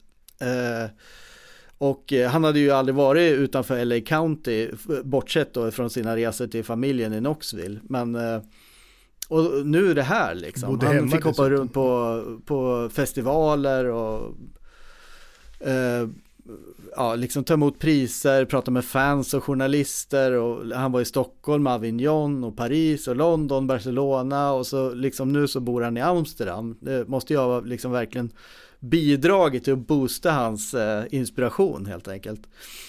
Så eh, han fyllde inte mindre än ett dussin eh, skrivhäften då med egna anteckningar för hand som mm. sagt innan han satte sig på flyget tillbaka till Los Angeles. Uh, och där, där, faktiskt han anlitade en kompis, jag kommer inte ihåg vad han hette, Chen, ja, eh, i alla fall, som fick uh, tyda hans kråkfötter och försöka skriva ner dem då på, på maskin eller dator. Och uh, han hade ju fått ett löfte här redan under inspelningen av Reservoir Dogs att filmbolaget Tristar, som är stora, hade ju eh, lovat, eller de har köpt rättigheterna till Tarantinos andra film, oavsett vad det var så att säga. Alltså first look deal, um, ja. Och Mike Madden var ju då som var högsta hönset eh, på Tristar vid den här tiden. Han fick ju läsa manuset då först av alla eh, till manuset till Pulp Fiction. Och han var tveksam. För att eh, veckan innan så hade han varit i Vita huset och, och, och träffat presidenten och pratat om eh, våldet på vita duken. Men eh, så, så, så, han kallade liksom till möte med, med Quentin och, och några till då. Eh, Bender var säkert med och så vidare. Och eh, de kom till Tristars kontor eh, där han meddelade helt enkelt att de tänkte tacka nej till den här filmen på grund av våldet. Och eh, att eh, Mike Medawoy då stod eh, bakom en, eller stod framför en stor affisch utav Cliffhanger när han meddelade det här var liksom en, en ironi som, som inte riktigt gick fram där och då. Men det passar till 90-talet, ironiska till 90-talet. Eller hur? Ja, att Medawoy och Tristar tackade nej till det här var ju såklart ett, ett stort bakslag för Tarantino och Bender. För plötsligt så hade de ju ingen, det fanns ingen film. Det är liksom, det, det, det, fanns ju ingen som ville finansiera. Och det följde flera bakslag, därför att de, de, alla de stora studierna i Hollywood tackade nej av precis samma orsak. Eh, de tyckte det var för mycket våld helt enkelt. Och det var eh, inte det första, som sagt, fantastiska manus som, som hade hamnat i det ökända Development Hell, så att säga. Det, det, man kunde ju se, lätt se framför sig samma, samma typ av resa som med Natural Born Killers till exempel, liksom att det bara blir sönder bearbetat och ja, men, eh, förlorar sin själ så att säga. Men det här är då 93 antar jag, för det, eller mm. jo det måste det ha varit för den kom ut i 94 då. Men jag menar, de här uh, na, um, Natural Born Killers, den hade varit finansierad innan då eller? För den är ju väldigt våldsam och det är ju en studiofilm och det är ju True Romance är ju också en våldsam film, också en studiofilm. Ja, verkligen. Så att det, det, måste ha hänt någonting i den här perioden som gjorde att studiorna drog sig ur de här lite våldsammare filmerna. Och jag vet inte om de hade mm. nått någon form av liksom eh, killkvot. Eller eh, om, det, om det bara var tillfälligheter som, som avgjorde det. Ja, bra fråga. Det var ju liksom, alltså, True, eh, Natural Killers var ju också Oliver Stones film, ska man inte glömma. För han var ju Oliver Stone var ju jättestor. Han mm. var ju verkligen det största ja, affischnamnet i Hollywood absolut, nästan. Absolut. Så eh, att han, han kunde nog välja och vraka lite som han ville. Så ja, han fick, det kanske var ett... De kanske, han kanske hade, de, det kanske fanns olika standarder för olika regissörer. Helt enkelt. Dessutom så packade han ju in det i någon form av samhällskritik, sa han, även om det egentligen bara var mer underhållningsvåld. ja, verkligen. Men det är ju intressant där, för att trots att han hade en respekterad debut och i bagaget och ett bra manus, eller ett manus som väldigt många tyckte var väldigt bra, så höll hela projektet i princip på att gå i vasken då. Ja, och om det inte hade varit då för Richard Gladstein som var, ju var medproducenten där till, till Reservoir Dogs, han som hade finansierat filmen. Och han hade under den här tiden börjat jobba för Miramax. Eh, och eh, han visste ju såklart då vem, vem eh, Quentin var och vad han gick för. Och han såg ju potentialen här då. Så, eh, han, han hörde ju då att Tristar har dragit sig ur och kände väl att nu gäller det att handla snabbt här innan någon annan liksom kommer in och, och försöker fylla tomrummet här. Och han var ju ny på jobbet och relativt också ny i, in i branschen liksom. Och eh, hans nya chef var ju då Harvey Weinstein och han hade ju ganska stor respekt för honom. Men han bestämde sig liksom för att eh, satsa på, på det här liksom och, och, säga till Weinstein att här har du faktiskt ett manus som du måste läsa, liksom, Pulp Fiction. Och eh, Weinstein mindes ju såklart eh, Tarantino, det var ju han eh, killen med Reservoir Dogs. Eh, en film som var väldigt lovande men som ju som sagt inte infriade hans förväntningar riktigt. Så han tog emot manuset och grymtade någonting om att det eh, var som en telefonkatalog. Manuset hade 159 sidor, var lite tjockare än vanligt. Men han tog emot det i alla fall. Och eh, Weinstein var ju på väg, eh, han var på väg till eh, ett flyg för att semestra på Martha's Vineyard. Eh, så han eh, ringde två timmar senare och så säger han Första scenen, den är helt jävla fantastisk, fortsätter det så här? Eh, så ringde han ytterligare en timme sen och så, som eh, Gladstein har berättat då. Uh, och då har han kommit till den här scenen där uh, Vincent Vega har blivit dödad. och han säger, är du helt galen? Han dödade ju just huvudkaraktären mitt i filmen. Fortsätt bara läsa, sa Gladstein. Börja förhandla, skriker Weinstein. och då Miramax då, för 1993 så blev de ett, eh, eller de var ju ett familjeföretag, det var ju bröderna Weinstein då som, som eh, hade grundat Miramax på 70-talet tror jag, slutet 70-tal. Men i alla fall, eh, de blev uppköpta av Disney. 1993, vilket gav Miramax det kapital som de behövde för att inte bara vara distributör utan också kunna eh, producera film. Och det var ju det de var ute efter det här då. Eh, och eh, det var ju det som också skulle göra Miramax eh, liksom, eh, från att vara ett, ett stort och eh, framstående bolag till att vara en riktig jäkla gigant på independent-marknaden. Mm. Och eh, Disney är ju kanske en oväntad matchning för Pulp Fiction, men, men i, i dealen med dem, eh, med dem, med Disney då, så ingick det att eh, Weinstein hade det slutliga ordet så att säga i valet av ja, beslutsfattande helt enkelt. Och, men Disney-bossen då, Jeffrey Katzenberg, han var ju känd för att lägga sig i i stort sett allting och Weinstein ville inte hamna i liksom konfliktkurs med honom. Så eh, ny in i den relationen så ville Weinstein ändå hålla Katzenberg informerad så att säga. Så han eh, skickade manuset till Pulp Fiction till, till Katzenberg. Och sen höll han andan bara. Och efter några dagar så kommer det ett svar ifrån Katzenberg som säger Ta det lugnt med heroinscenen om du kan. Mm. Det kan man ju inte säga att de gjorde. Men det just det här med Disney och uh, Pulp Fiction är ganska roligt. För om man tittar noga så står det ju faktiskt uh, i, i, slutet av filmen att uh, inga gangsters uh, dog vid inspelningen av den här filmen.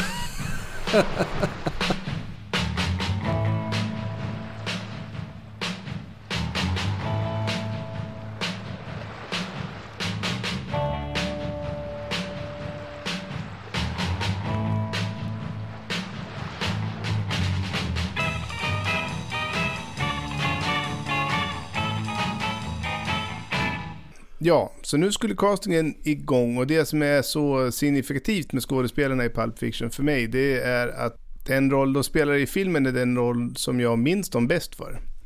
Och det är klart, de har gjort många andra bra filmer också, eller några av dem har det i alla fall.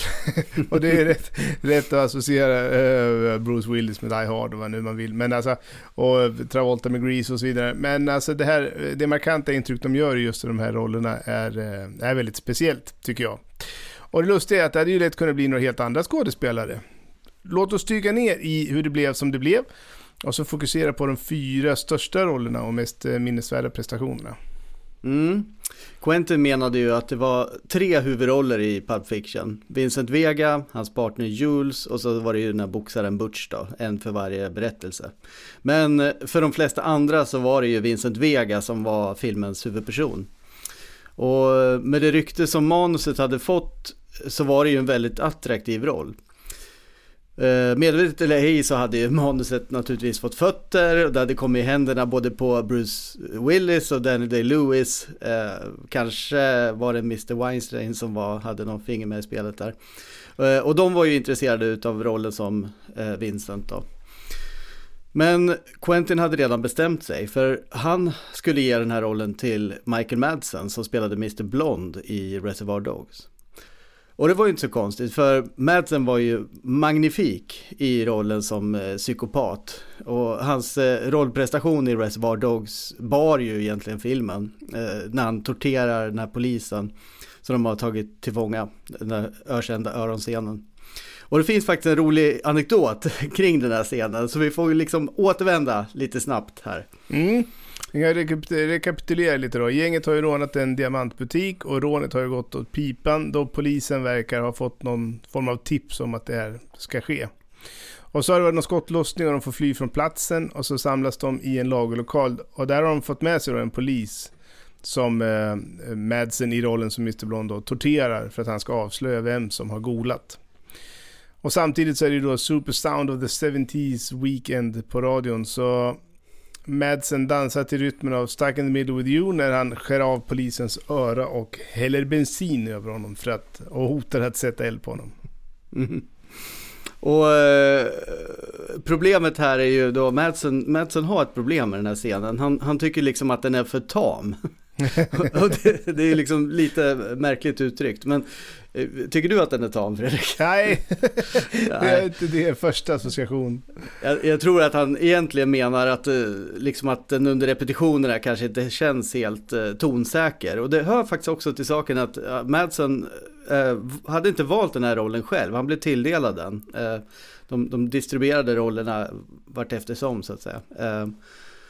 Men i alla fall, eh, Kirk Balls då som spelar den här polisen som blir torterad, han eh, improviserar under repetitionen och säger döda mig inte, jag har fru och barn. Sådär klyschigt. Eh, och Quentin han uppmuntrade det här, han tyckte det var bra. Men Madsen han var inte övertygad för han tyckte liksom att Quentin ville driva Mr Blond då för långt. Du kommer liksom gå över gränsen om du, om du gör mig till någon som liksom vill tortera någon som har fru och barn eller som börjar prata om sina barn. Det är lite för magstarkt tyckte mm. Madsen. Så de tog en paus och Madsen tog en tupplur. och eh, när Kirk Bolts, eh, han, han kom in då till, till Madsen och sa Hörru Michael, skulle du kunna ta och stoppa ner mig i bagageutrymmet till din bil? Mm, för en vanlig dag på jobbet. Mm, och eh, det hör ju också samman med liksom det tillvägagångssätt som de hade haft inför, inför filmen då när de repeterade. De hade haft två veckor där de egentligen faktiskt genomförde ett riktigt rån fast det inte syns i filmen då så att säga. Det, rånet ser man ju aldrig utan eh, men de gjorde det för att få känslomässiga minnen då utav eh, ja. det här rånet. Och eh, och nu kände alltså Belts att han, han behövde få lite känslomässiga minnen utav färden fram till lagerlokalen då. så sagt och gjort, Madsen kör fram sin bil och Balls hoppar glatt ner i bagaget, eh, stänger bagageluckan och Madsen sätter sig bakom ratten och så drabbas han av en insikt. För han tänker liksom att ja men det här är nog inte bara nyttigt för Kirk liksom att få veta hur det känns att ligga i ett bagageutrymme det kan också vara nyttigt för, för Madsen själv liksom, eh, att få åka omkring med någon där bak. Så Madsen han eh, kör runt och åkte rätt länge, liksom i en halvtimme typ. Och körde över gupp och massa gropiga gränder och sådär. Tills han var helt inne i rollen då. Han hade liksom glömt bort. Eh, att det låg någon i bakluckan. Eh, ungefär så ja. ja. Så han kommer liksom att tänka där på sin, en av sina favoritfilmer, Glödhet med James Cagney. Mm. Och där finns en scen där, där Cagney har en kille i bagageutrymmet också då. Eh, och eh, den här killen som ligger där inne, han ropar efter att han behöver luft och så. Och då skjuter han ett hål i bagageutrymmet och dödar den här killen som ligger där. Och samtidigt då, det här är ju en så här klassisk scen då, samtidigt så står han och tuggar på ett kycklinglår. Sådär. Så han är liksom, det var en så konstig motsättning liksom att stå och tugga på ett kycklinglår samtidigt som man dödar någon då. Så eh, Madsen han svänger in på närmsta Taco Bell och så går han och köper sig en Coca-Cola. Sätter sig i bilen och börjar sippa på den. Och känner sig lite som Cagney. Eh, och så när de kommer tillbaka till inspelningen så har de ju varit borta då ett bra tag och, och Quentin han är orolig för han har ju hört att Madsen har lagt Balls i bagageutrymmet och kört iväg med honom. Så ur bilen då så stiger Madsen då nonchalant simpades på den här kolan. Eh, och så öppnar de bagageutrymmet och det var, ligger en helt nersvettig och mörbultad liksom Kirk Balls då som eh, liksom klättrar ur där. Och sen kunde de börja filma. Så, och idén med, med den här kolan, den behöll de in i scenen då så att säga. Så det var då de liksom satte den på, på riktigt så att säga. Och eh, där är ju Madsen helt eh, fenomenal då. Han liksom dansar avslappnat och sitter nästan i hans knä när han skär av örat på honom. Ja. Usch, rakblad. Ja.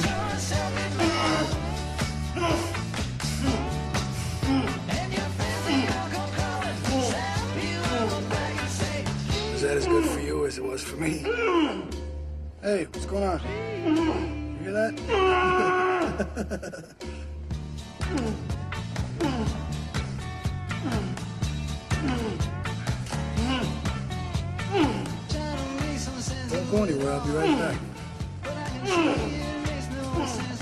Ja men så efter den här insatsen då så erbjuder Tarantino Madsen rollen som Vincent Vega. Och Mr Blonds riktiga namn är ju Vic Vega. Så det vill säga Vincents bror. Mm. Så med Madsen i rollen som Vincent så skulle de vara tvillingbröder alltså. Men så tackade Madsen oväntat nej till den här till, till, rollen då. På grund av att han har en konflikt med en annan film. Vet du vilken? Mm, nej, inte räknat ut. nej, uh, Wyatt Earp. uh, alltså med, Ehm, och det måste ju liksom ha gjort lite ont i honom så här efteråt när man hade facit i hand i alla fall. Men där och då så, så ja det var ju, han hade redan skrivit på kontrakt då. Men, eh, och jag kollade faktiskt på den här trailern till, till Wyatt Earp, på, på, den finns ju på imdb.com. Eh, och eh, den är ju för det första ofantligt lång liksom. Det, det, det är ju en äldre trailer, 3 minuter och 22 sekunder har jag mätt den till. Och det här var ju liksom Kevin Costners film och liksom allting kretsar ju kring Costner så att säga. Eh, och det är ju liksom stråkar och solnedgångar och hästjakter och skjut, skottlossning och så vidare liksom. Och Gene Hackman är med och Dennis Quaid är med. Men var är Madsen liksom? Han är inte med i trailern ens. Och han är Fast liksom är nionde namnet på listan. Det, det är liksom, och det var det han tackade nej, därför han tackade nej till rollen som Vincent Vega. Var liksom, man kan ju tycka att det är ett dåligt karriärbeslut Ja, faktiskt. finger, fingertoppskänsla. Ja. Ja, så eh, Quentin fick ju, han fick ställa om siktet. Eh, det var då han insåg faktiskt att eh, hela tiden så hade han tänkt sig John Travolta i den här rollen. Men han hade liksom inte vågat tänka tanken hela vägen ut. Liksom sådär att Travolta var ju liksom out of reach på något sätt. Men eh, för, för, för, det för, att, för Tarantino så var ju Travolta, han var ju liksom legenden från Saturday Night Fever och Urban Cowboy. Det här var ju liksom en av Tarantinos barndomsidoler verkligen. Och eh, eh ja, en av Quentins favoritfilmer är ju De Palmas eh, Blowout, eh, där Travolta är väldigt, väldigt bra. Mm, Eh, Men vid den här tiden, början på 90-talet, då, då var det lite annat ljud i skällan, eller hur Fredrik? Ja, det får man ju säga. Ja, det var ju liksom, han hade gjort eh, Tittan snackar-filmerna helt enkelt. Det, Ja. var ju, det var ju det som alla hade på näthinnan när man tänkte på Travolta. Att det var Tittan snackar kom eh, 1989, 1990 så kom Tittan snackar också. Nej, titta, titta hon 1993 snackar också. Titta hon snackar också, precis. Sorry. Eh, och 93 då, året innan Pulp Fiction så kom Titta vem som snackar nu. Han var liksom längre, lägre än noll tyckte de. Liksom. Vem är det? Det är någon hund eller vem är det? Vem är det som snackar?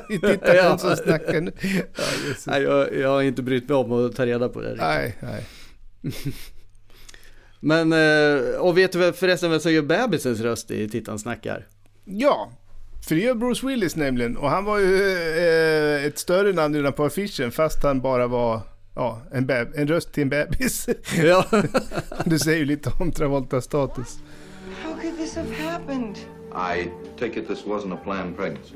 It's a beautiful, magical experience. St. Jerome's Hospital. Ah!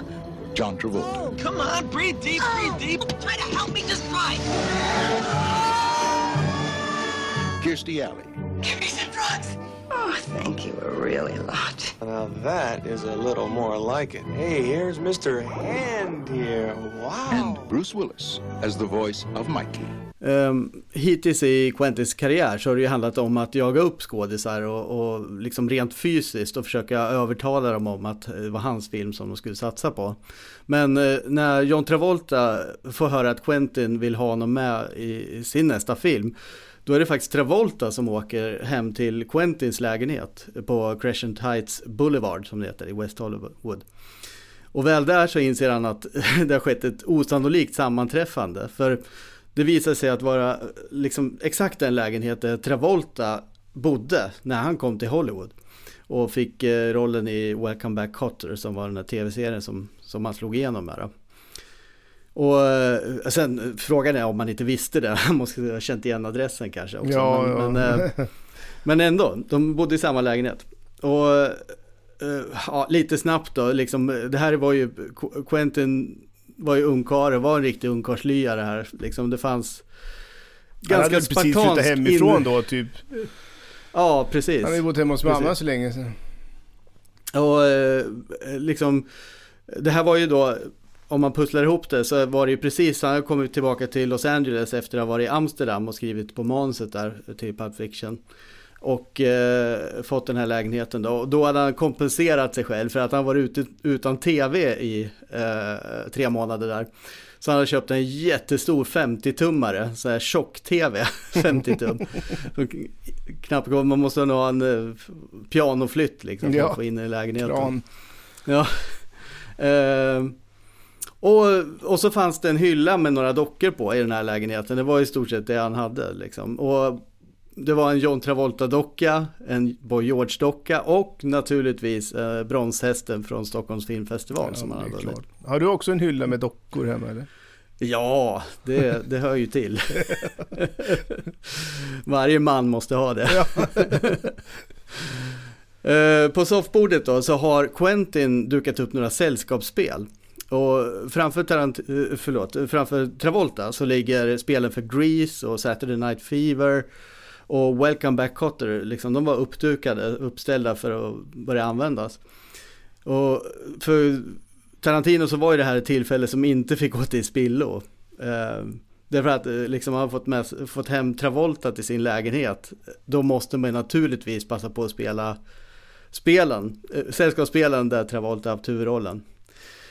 Så eh, Quentin har plan- planerat det här noga då. Och i vanliga fall så brukar han ju ha de, eh, vilja ha de spelpjäser som är liksom Travoltas roll i filmen så att säga. Men nu så var han storsint nog att låta Travolta ha, ha sina egna roller då så att säga. Mm.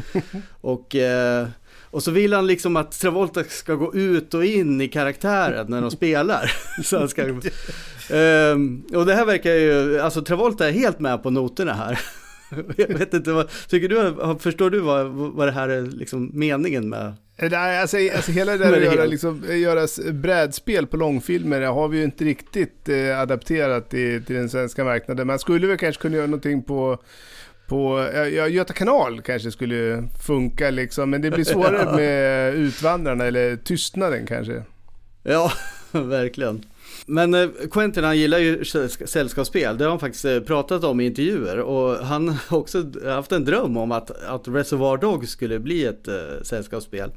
Som han nämnde, så jag var tvungen liksom att kolla upp det och det har det faktiskt blivit. Det finns ett sånt. Eh, Men det var inte riktigt så, för jag hade sett framför mig en form av Cluedo liksom, där man skulle på något sätt försöka få fram vem det var som hade tjallat på, på eh, inför rånet då. Men, eh, men det var någon form av annat upplägg. Något med örat. Eh, mm, men det finns, allt Ja. finns. Mm.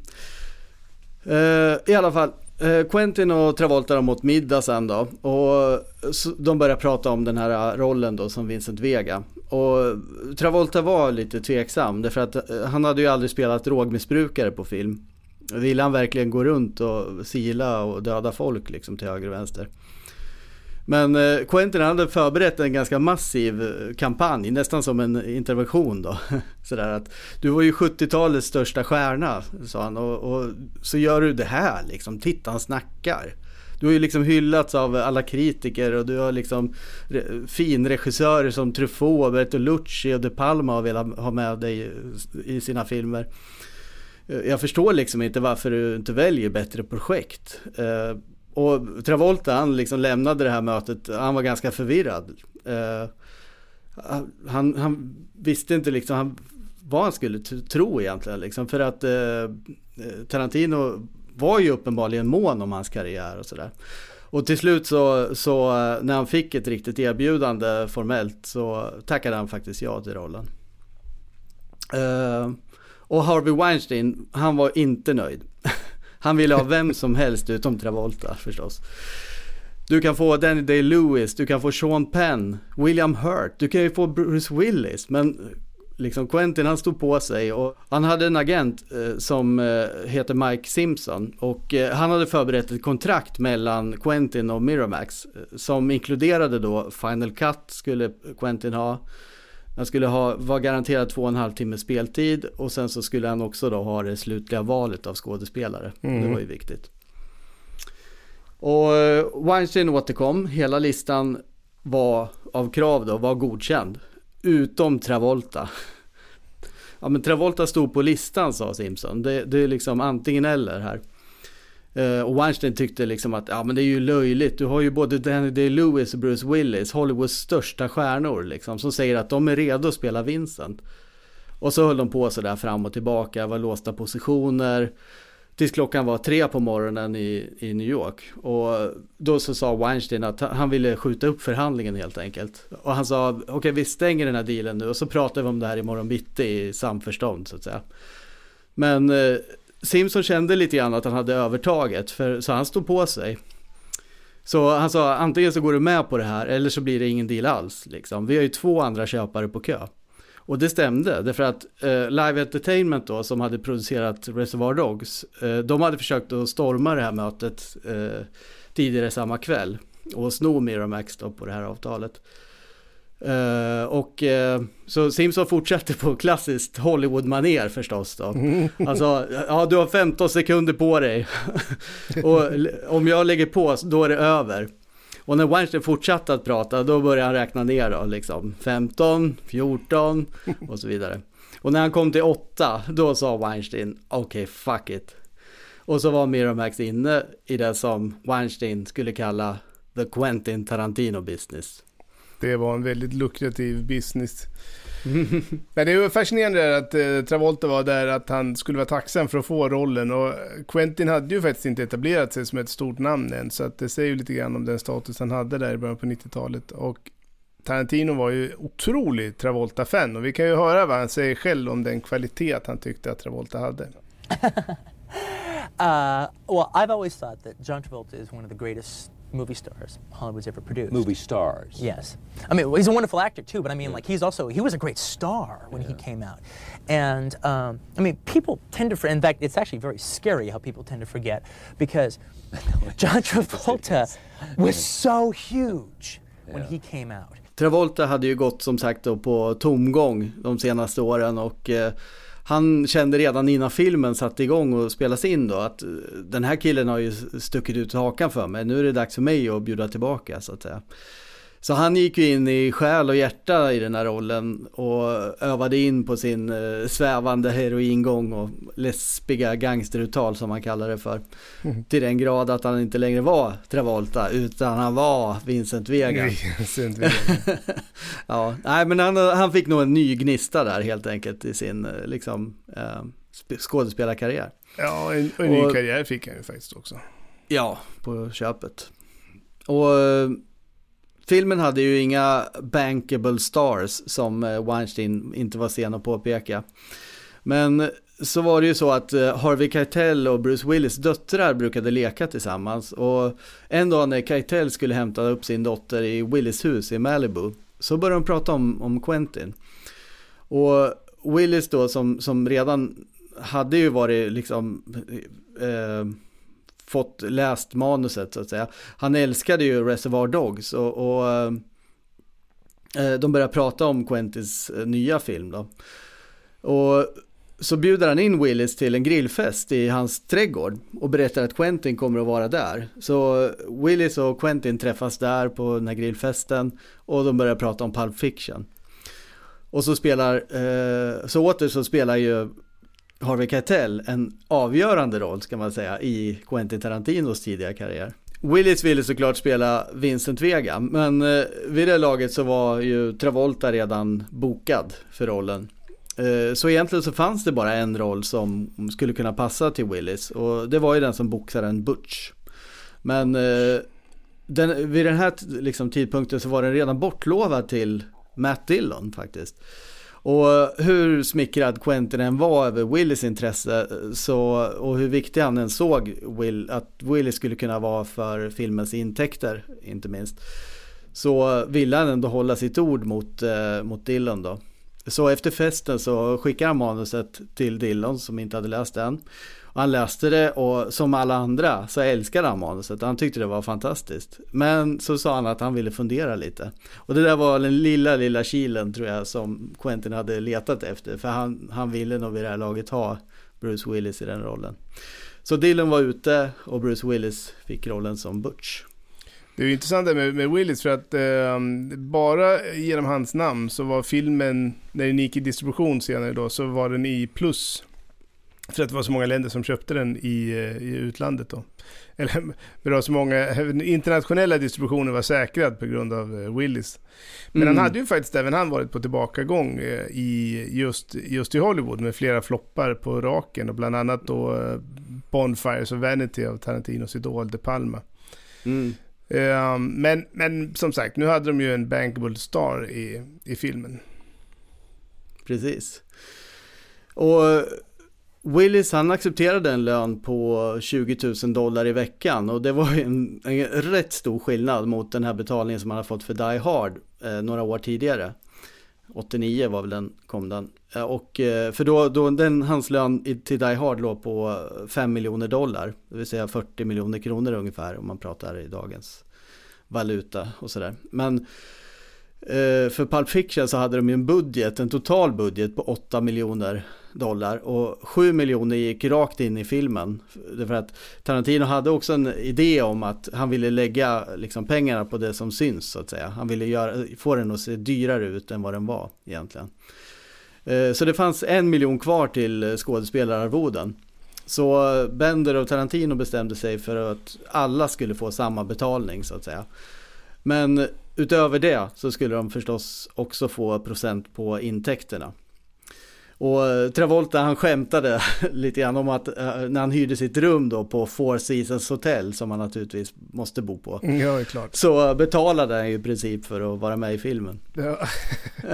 men, men vad heter det, um, idag kan du, om du skulle göra en film här, då kan du lätt bara boka in Bruce Willis. Men eh, han tar en miljon om dagen, men han säger ja till allt. Alltså en miljon dollar om dagen förstås. Men Ja, Jag skulle också göra det. Säger ja Säga till ja allt. till allt. då. Fick jag en miljon. ja. Ja, nej men det, på det stora hela så var det ju, jag tror att bakgrunden till eh, det här med betalningen var att, eh, att helt enkelt att manuset var så pass attraktivt liksom. Så att det här var inte en film som man gjorde för pengarna utan det här var inte liksom titta han snackar. Så därför kunde de dumpa eh, skådespelarkostnaderna lite grann. Ja. Ja, nu är det två gubbar på plats. Ska vi ha, eh, titta lite på hur eh, rollen som Mia Wallace skulle placeras då? Mm. Och den rollen var ju också het eh, och hade också dragit till sig toppskiktet i Hollywood på den tiden. Så det var ju namn som Michelle Pfeiffer, Meg Ryan, Holly Hunter och Rosanna Arquette också som ju senare fick rollen som Jodie istället. Och eh, även de här heta komediskådespelerskorna som var verkligen dominerade 90-talet på, på tv. Louis, eh, Julia Louis-Dreyfus och eh, Jennifer Aniston var aktuella för rollen då eh, från varsitt håll då. Men de hade ju då eh, Seinfeld respektive vänner och, och, tänka på. Eh, och eh, vid det här laget så var Uma Thurman som hade börjat sin karriär som fotomodell då, en ganska etablerad skådis eh, och framförallt eh, så var hon ett stort namn, liksom, en stor stjärna liksom. Och eh, hade också gjort prestigeprojekt som Farligt begär och Henry, Henry and June. Och så hade hon ju spelat, jag måste ju höja det lite grann, hon spelade blind i Jennifer 8 också mot Andy Garcia som en personlig favorit sådär, en roll som faktiskt var värd att minnas tycker jag. Mm, det är ingen som gör det. Men alltså det är Nej. konstigt för att jag vet inte varför den filmen har försvunnit liksom från allas eh, radar. Men det är en bra film. Mm. Uh, Thurman hade ju också fått känna på kändisskapets baksidor lite grann. Hon hade haft ätstörningar och eh, också utsatts för sexuella trakasserier eh, vid flera tillfällen faktiskt. Och eh, hon är ju en av de kvinnorna som har vittnat mot Harvey Weinstein. Eh, och i hennes fall så handlar det om en incident som hade träff- inträffat på ett hotellrum eh, 1994, alltså någon gång eh, kring lanseringen utav Pulp Fiction med andra ord. Ja, Oman vittnade emot Harvey Weinstein, men de fortsatte ju ändå att jobba ihop efter, de här, efter att de här övergreppen hade skett. Eh, för att eh, Weinstein fortsatte ju jobba med eh, Quentin och Quentin fortsatte jobba med Erman, bland annat, med Thurman, bland annat i Kill Bill. Där hon ju för övrigt också hade en stor incident med Quentin och ja, mer eller mindre anklagade honom för att ha riskerat hennes liv. Mm. Men i Hollywood är det ju så att the show must go on, så att när man ser eh, Uma och Quentin dansa runt på röda mattan i Cannes vid Pulp Fictions 20-årsjubileum och Harvey står där i bakgrunden så om, om man, när man vet vad som har hänt så känns ju det där faktiskt fullständigt nattsvart egentligen. Alltså det är ju ganska, det är ganska obehagligt och måste vara ett jävligt hårt liv. Ja, nu har ju, Thurman gör ju inte så mycket film längre, framförallt inte i Hollywood. Hon eh, gör ju nästan ingenting faktiskt. Men eh, Ja. Actress Uma Thurman is breaking her silence this weekend about Harvey Weinstein, telling the New York Times about several disturbing incidents with the one time powerful movie producer, one of which got frighteningly physical. Our senior media correspondent, Brian Stelter, is joining us now. So, Brian, Uma Thurman, she's long hinted she was among the victims of Harvey Weinstein. What is she saying? Yes, and she has not spoken about this until now. The first allegations came out back in October. Now she's given an interview to Maureen Dowd in Sunday's New York Times where she speaks about Weinstein for the first time. And it is a, it is a disturbing account. She says she was attacked in two different to- uh, uh, occasions by Harvey Weinstein. She told Maureen Dowd, quote, the, the complicated feeling I have about Harvey is how bad I feel about all the women that were attacked after I was. I'm one of the reasons that a young girl would walk into his room alone the way I did. She refers to Quentin Tarantino, uh, Weinstein's uh, one of the producers that worked with Weinstein, and says Quentin used Harvey as executive producer of Kill Bill. That's in 2003, uh, in, in a movie that symbolizes female empowerment. And all these lambs walked into slaughter because they were convinced nobody rises to such a position who would do something illegal to you, but they do. Hur som helst, eh, Uma Thurmans agent hade ordnat en eh, audition för henne då, till rollen som Honey Bunny. Eh, det vill säga rollen som Amanda Plummer senare fick då. Men direkt när Quentin såg henne, och, och som sagt, eh, ska säga då en liten utläggning att precis som med Reservoir Dogs, så han, han skriver ju aldrig in eh, liksom utseende och ägnar liksom tid åt det i manusen, utan han vill att det ska liksom vara ett organiskt arbete så att säga. Alltså, det, det är någonting som sker efter manusarbetet så att säga. Eh, och i det här fallet då så såg han eh, Uma Thurman och tänkte direkt att det här är ju vad jag har tänkt som Mia Wallace. Men Juma Thurman själv, hon var inte övertygad om att hon ens ville vara med i den här filmen. För hon kände sig inte bekväm med karaktärens eh, drogvanor. Inte heller eh, liksom våldta, våldtäkten på hennes kriminelle make. Eh, tyckte hon, var, hon tyckte det var ganska skrämmande helt enkelt. Som hon sa. Eh, så Juma var smickrad över Quentins ihärdiga intresse. Men hon eh, tackade nej till, till rollen. Men Quentin han gav sig inte. Han, han ringde upp, han bönföll henne. Han läste manuset och förklarade alla skäl till att varför han ville ha henne i den här rollen. Eh, och som sagt bönade och bad och lovade att inte svika henne och till slut så, så gav hon med sig helt enkelt.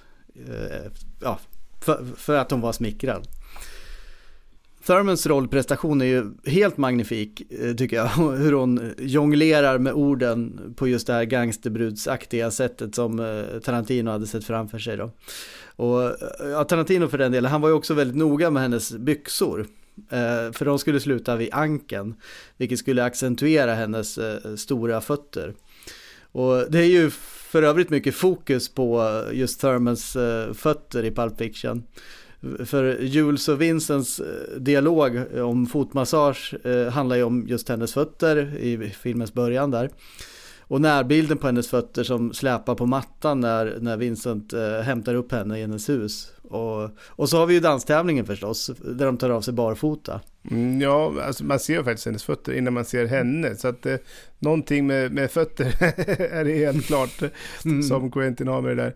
Och hon är ju som sagt eminent i filmen och blir ikonisk eh, på sitt sätt faktiskt. För hon skapade ju också ett mode. Men även om hon mm. är det så hade det ju varit ganska kul att se just dansscenen med eh, Julia Louis-Dreyfus. Jag undrar hur det hade sett ut. Du tänker på hennes, eh, hennes dans i Seinfeld förstås Absolut. och, och, faktum var att Dreyfus var ju faktiskt mer än ett namn, bara ett namn på listan så att säga. Hon, hon provspelade faktiskt för den här rollen. Och det kanske var just den här dansscenen som gjorde att hon inte fick den. Ja, jag visste faktiskt inte att hon hade provspelat till och med. Den, den, den, den, den tejpen hade man ju velat se. Ja, verkligen.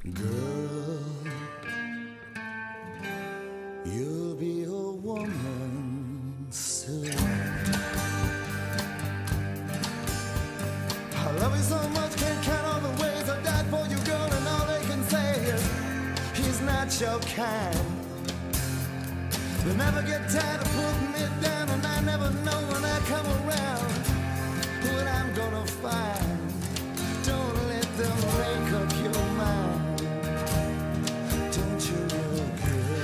Om eh, Quentin eh, fick kämpa för att få Thurman på kroken så var det tvärtom med Samuel Jackson.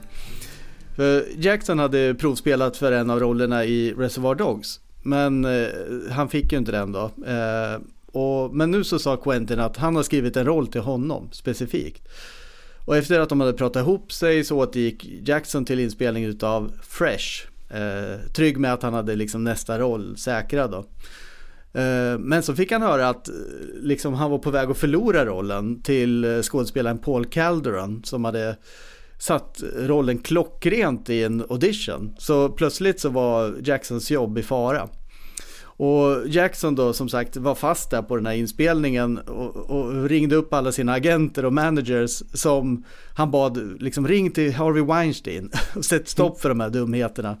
För rollen var ju hans tyckte han. Liksom. Quentin hade ju själv sagt att han skrivit den åt honom. Men eh, Weinstein kunde inte göra mycket åt saken liksom. För han hade ju skrivit på avtal också om att eh, Quentin hade ju det slutgiltiga beslutet kring rollbesättningen. Så han rådde Jackson att bege sig till Los Angeles och spela ballarna av Quentin. Som man, som, som man säger. Som man säger. Så sagt och gjort. Jackson eh, hoppade av inspelningen av Fresh och satsade på första bästa plan. Ovetandes om att eh, även Calderon hade flugit in från New York igen. För att eh, provspela en gång till. Så det blev liksom som en, en duell mellan de här två. Eh, och eh, Calderon eh, kom in först, eh, alltså han anlände först eh, till Los Angeles och då visade det sig att eh, liksom Quentin var sen till, till eh, auditionen. Så han satt där och väntade och han väntade och väntade och till slut så fick han läsa mot en av producenterna istället. Eh, och han har sagt det efteråt att det var, det var verkligen ett misstag som han ångrade. För han, han sa det, jag borde ha vägrat liksom. För att eh, liksom, rytmen blev fel och han kom liksom inte in i karaktären ordentligt. Det, det kändes inte som att det var på riktigt liksom. Och så kom Jackson då. och han var förbannad och, och trött. Och så, och så var han hungrig också liksom. Så han hade med sig en halväten hamburgare. Som han hade köpt på vägen precis här utanför lokalen. Och när han kom till studion då så var det ingen där som mötte upp honom heller. Utan han fick stå där själv och, och vänta. Och sen när teamet väl dyker upp så var det någon som sa Jag älskar ert arbete Mr Fishburne. Oh, shit. Men det finns, det, det, finns ju en förklaring till det. Det är inte, det är inte enbart, det är inte rasism liksom. Det är inte så att alla, alla svarta ser likadana ut. Hoppas jag i alla fall. Men, eh, utan det fanns faktiskt en annan förklaring här också. Eh, med att de blandar ihop Samuel Jackson med Lawrence Fishburne. Uh, och för vissa källor, och bland annat om uh, eh, Lawrence Fishburne själv, hävdar att uh, Quentin har skrivit rollen till honom. Eh, men att han tackade nej för att han inte gillade eh, sättet som heroinet skildrades på i, i filmen. Den glorifierar ju heroin lite grann. Eller ganska mycket. Så eh, frågan är vad som är, är, rätt här då. Och det kan ju faktiskt vara så att båda de här historierna stämmer. För att eh, Tarantino kan ju faktiskt ha skrivit rollen till Lawrence, eh, Lawrence Fishbone. Eh, och när han tackade nej så så erbjuder han rollen till Samuel Jackson och säger att han skriver rollen till honom istället. det måste ju i så fall innebära att Jackson eh, har blivit ännu mer devalverad så att säga här på, på den här skalan. Så, eh, så det skulle kunna vara så alltså att Jackson trodde att han var förstahandsvalet men i själva verket så var han inte det. och där och då, då så börjar, håller Jackson på att börja koka liksom utav ilska. Eh, och när det väl var dags då för audition så var det ju eh, hade det kommit till det läget att han inte längre brydde sig om han ville ha rollen eller inte. Så Richard Gladstein och eh, Quentin är, finns bland folket då som ska bedöma Jacksons kvaliteter för den här rollen eh, som Jules. Och, eh, så in kommer Jackson in i studion med en hamburgare i ena handen och en dricka i den andra. Och han stinker liksom snabbmat och, och svett. Och han ställer sig framför dem och äter demonstrativt på sin hamburgare. Sippar i sig sin läsk. Säger ingenting. Han bara står där och blänger på dem. Och de sitter där och, vågar liksom inte röra på sig. Liksom Gladstein berättar att det såg ut som att hans ögon när som helst skulle poppa ut ur sina hålor. Det var hans beskrivning. Så till, till provspelningen här så har de en annan skådespelare då, som eh, läste mot Jackson. Och när de kom till slutet av, av scenen då så var Jackson så uppjagad att hans motspelare tappat bort sig och, och måste bryta helt enkelt.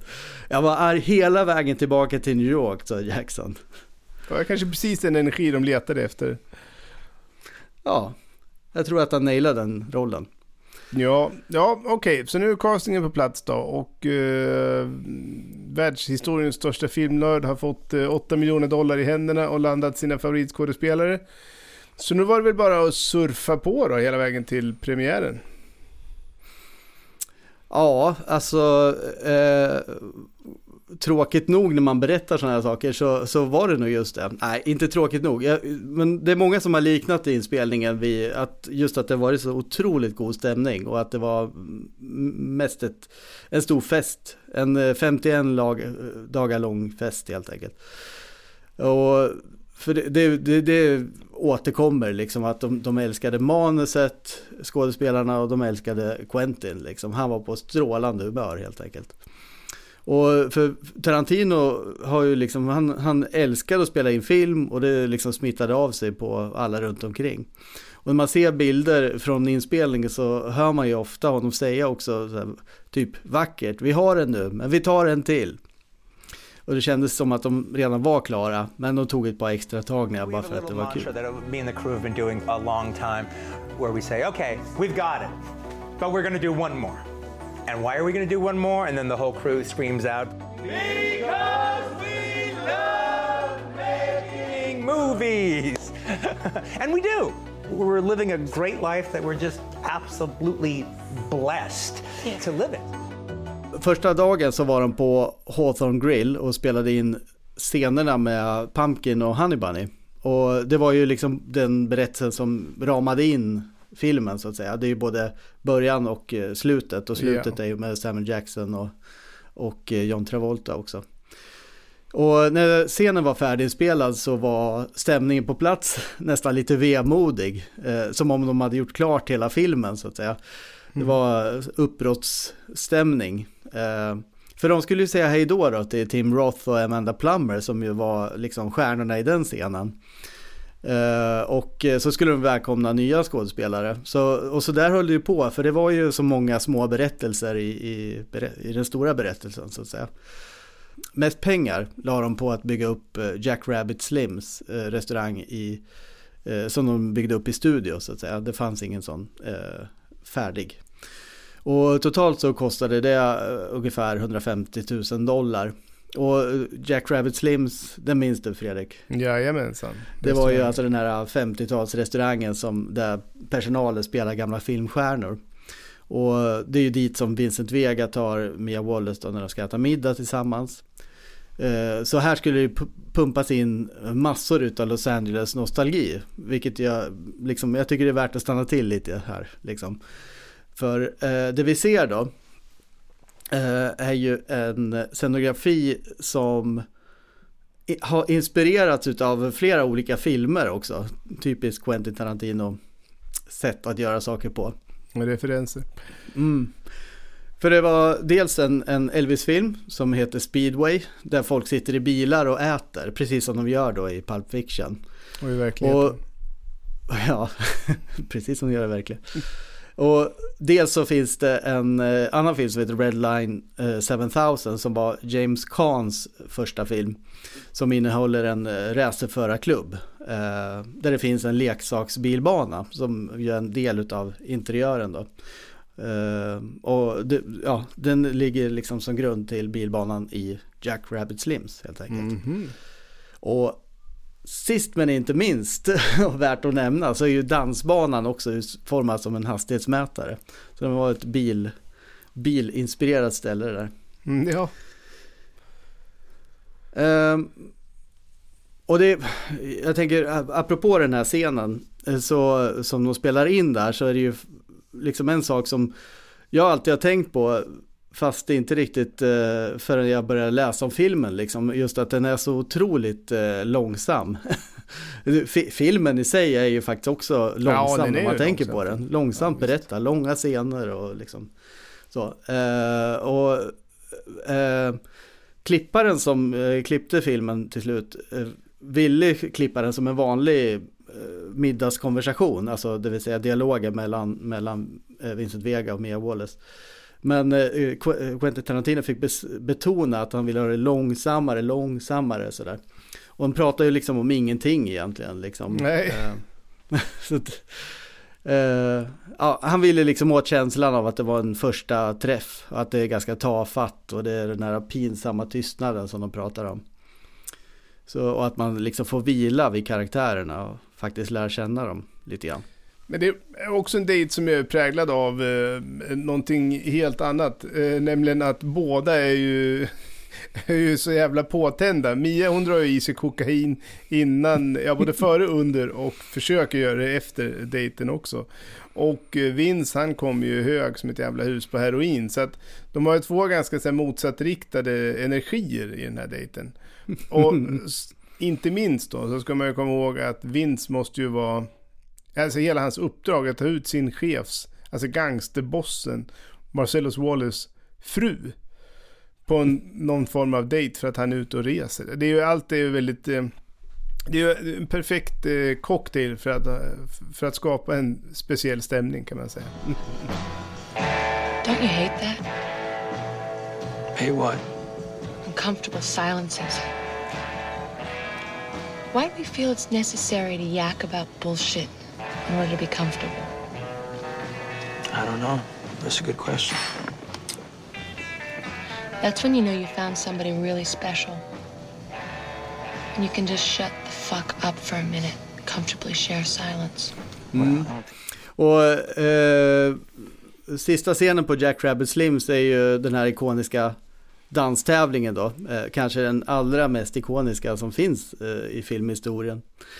Eh, men där så går det inte riktigt som eh, det var planerat. För eh, Thurman blev plötsligt väldigt självmedveten liksom. Hon, hon fixar inte den här scenen för hon tycker inte att hon kan dansa på något bra sätt. Så de tar en paus och Quentin tar henne och Travolta åt sidan och så visar han dem ett klipp ifrån Jean-Luc Godards band Apart, dansscenen i, i den filmen då så att säga. Och han säger liksom titta på dem, de kan ju inte heller dansa men de har ju kul och det ser bra ut liksom. Och Fredrik, vad, vad tycker du om det här regigreppet? Att liksom visa en scen från en annan film och säga gör sådär. Ja. Det är inte method acting i alla fall. Nej, det är, det, är, det, är, det är alternativt. Jag tror att det finns de som skulle kunna ha vissa synpunkter på det. Ja, men det är väl kanske så när, när en filmnörd som regisserar liksom. Ja, allt är referenser. Ja. Eh, men jag tror kanske inte att det var just det, den pausen som, som löste knuten här, utan eh, det, ja, man kan nog vara ganska säker på att det faktiskt var Travolta som bidrog till magin här. Därför att när de kommer ut på dansgolvet igen så eh, undrar Travolta vilken dansstil de ska ha. Och Quentin har ju liksom inte tänkt igenom det här riktigt, men han säger ja men kör twist då. Eh, och eh, Travolta tycker att ja, men det, det är ju fine liksom. Han vann ju sin första twist-tävling när han var åtta år. Mm, Liksom. det är klart han Eh, gjorde. Klart han gjorde. Men du, så säger han liksom att du kanske vill addera några av de andra nymodigheterna som, som var populära när det begav sig. ja, vad menar du, säger Tarantino. Ja, men det fanns ju The Batman, The Hitchhiker, The Swim, vid sidan utav The Twist. Så Travolta visar dem och eh, hela teamet och skådespelarna, de älskar ju det här liksom. Ja. Så han lärde upp Thurman lite snabbt sådär och när det var dags att rulla kameran så stod eh, Quentin där med handkamera och dansade med dem och skrek Watusi, Hitchhiker, Catwoman, Batman. Så kameran bara hopp, hoppade upp och ner men, men eh, Quentin han var ju så upphetsad så han kunde inte stå still. Ja, och det blev ju ganska bra, alltså just den här handkameran funkar ju rätt, rätt bra. Det här är för övrigt liksom klipp som man kan se på YouTube. När de Ja, behind the in. scenes, ja precis. Ja. Det är, det, är, det, är, det är verkligen en man som är i sitt esse där också. Och Mm. jag ska bara tillägga det också som Fellini-fan, ja, det är vi båda två, men att den är väldigt inspirerad också den här scenen av eh, åtta och en halv. som Ja, Fellini- verkligen. Ladies and gentlemen, now the moment you've all been waiting for. So world famous Jack Rabbit Slim's Twist Contest. Ja, det är ganska roligt. John Travolta verkar ju ha någon, någon form av hang-up här, liksom en vilja att kunna att betona i alla fall att han skulle kunna platsa bland alla de här ikonerna på, på Jack Rabbit Slims Diner. För när han eh, återkommer till det liksom i intervju efter intervju, liksom bland Marilyn Monroe eller Elvis Presley, James Dean, Jane Mansfield etc. Så skulle ju han också kunna sitta där som en i personalen.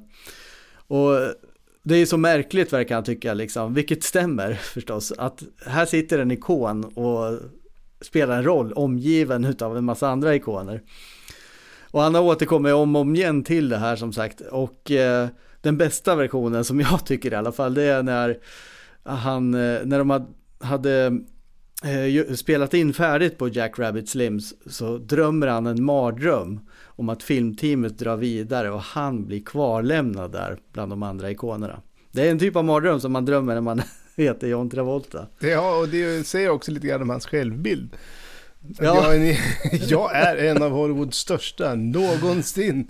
Och, och någon kommer att vilja spela mig någon gång i framtiden. Ja, eh, minns du Craig Heyman? Ja, hans gamla Best Friends Birthday-polare. Ja, det stämmer.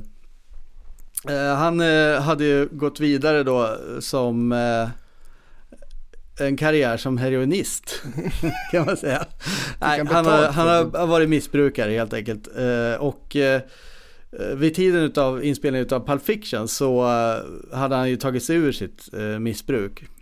Så han var, hade ju liksom den perfekta liksom CVn för att bli drogkonsult. Så det fick han vara under Pulp Fiction. Ja, nej men det är ju lite speciellt där för att det, det är en väldig detaljrikedom upptäckte jag när jag började läsa om filmen här eh, Just omkring drogerna och eh, efter den här dejten på eh, Jack Rabbit Slim så tar ju Mia eh, upp det som hon tror är kokain ur fickan då på, på Vincent Vegas rock.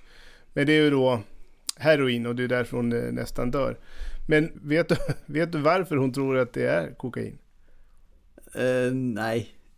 Nej, men det är ju så att Vincent han eh, köper sitt heroin hos sin langare Lance som han också återvänder till så vid eh, överdosen här. Eh, och eh, han säger att han inte har några ballonger kvar och frågar om det är okej att han får det i en påse istället. Så att det är därför de, det är tydligen så att man brukar få då kokain i påsar och heroin i ballonger. Så att även en erfaren narkoman som Mia då tycks vara går helt enkelt vilse här. Ja. Ja, men det är bra att de har lagt sig till med den här detaljrikedomen så att man även som heroinist ska kunna liksom känna att det är realistiskt det här. Ja, liksom, precis. Och ha sympati med Mia, men jag skulle också kunna göra det här. Ja, ja eh, Thurman snortade ju socker och eh, Travolta han fick ju spendera tid då både med han eh, Craig Heyman då eh, där han berättade om sitt liv som narkoman och även med gatunarkomaner eh, liksom för att komma i rätt stämning så att säga. Och eh, Heyman hade ett råd till Travolta för han, han sa liksom eh, drick så mycket tequila som du kan och så lägger du dig i en varm vattenfylld pool. Där har du ditt heroinrus. Liksom. Så det var det som Travolta gjorde för att komma in i rollen. För han sa, "Nej, jag tänker inte ta heroin. Nej, det var väl det kan man ju, ja det var nog bra. Ehm, och även hur man liksom skulle återuppliva en, en död heroinist, eh, heroinist kom från Heyman. Det vill säga att eh, man injicerar adrenalin rakt in i hjärtat. Men eh, reaktionen på adrenalinet, den kom faktiskt från Juma Thurman. Eh, för en av hennes första roller var ju med i, var i Terry Gilliams, Baron von Münchhausen. Och på den inspelningen så fanns det en tiger. Och av säkerhetsskäl så gav de ju den här tigern lugnande medel. Och tydligen så hade de gett den lite för mycket vid något tillfälle. Så de var tvungna att eh, ge honom adrenalin för att återuppliva honom. Eh, och det är därifrån det kommer eh, att hon studsar upp, precis som hon hade sett den här tigern göra då. Man ska nog vara glad att det var inte var någon som kom till skada i, i Münchhausen just. Alltså man måste ju älska filmindustrin. Alltså de väljer att ha en tiger på plats och så gör de honom en jävla överdos och så trycker de i adrenalin i hjärtat så har en tiger som springer omkring. Så Då är är helt bra, liksom. stissig och jävlig på inspelningen. Fan, vad är det för vad är människa för någon ras egentligen? Ja.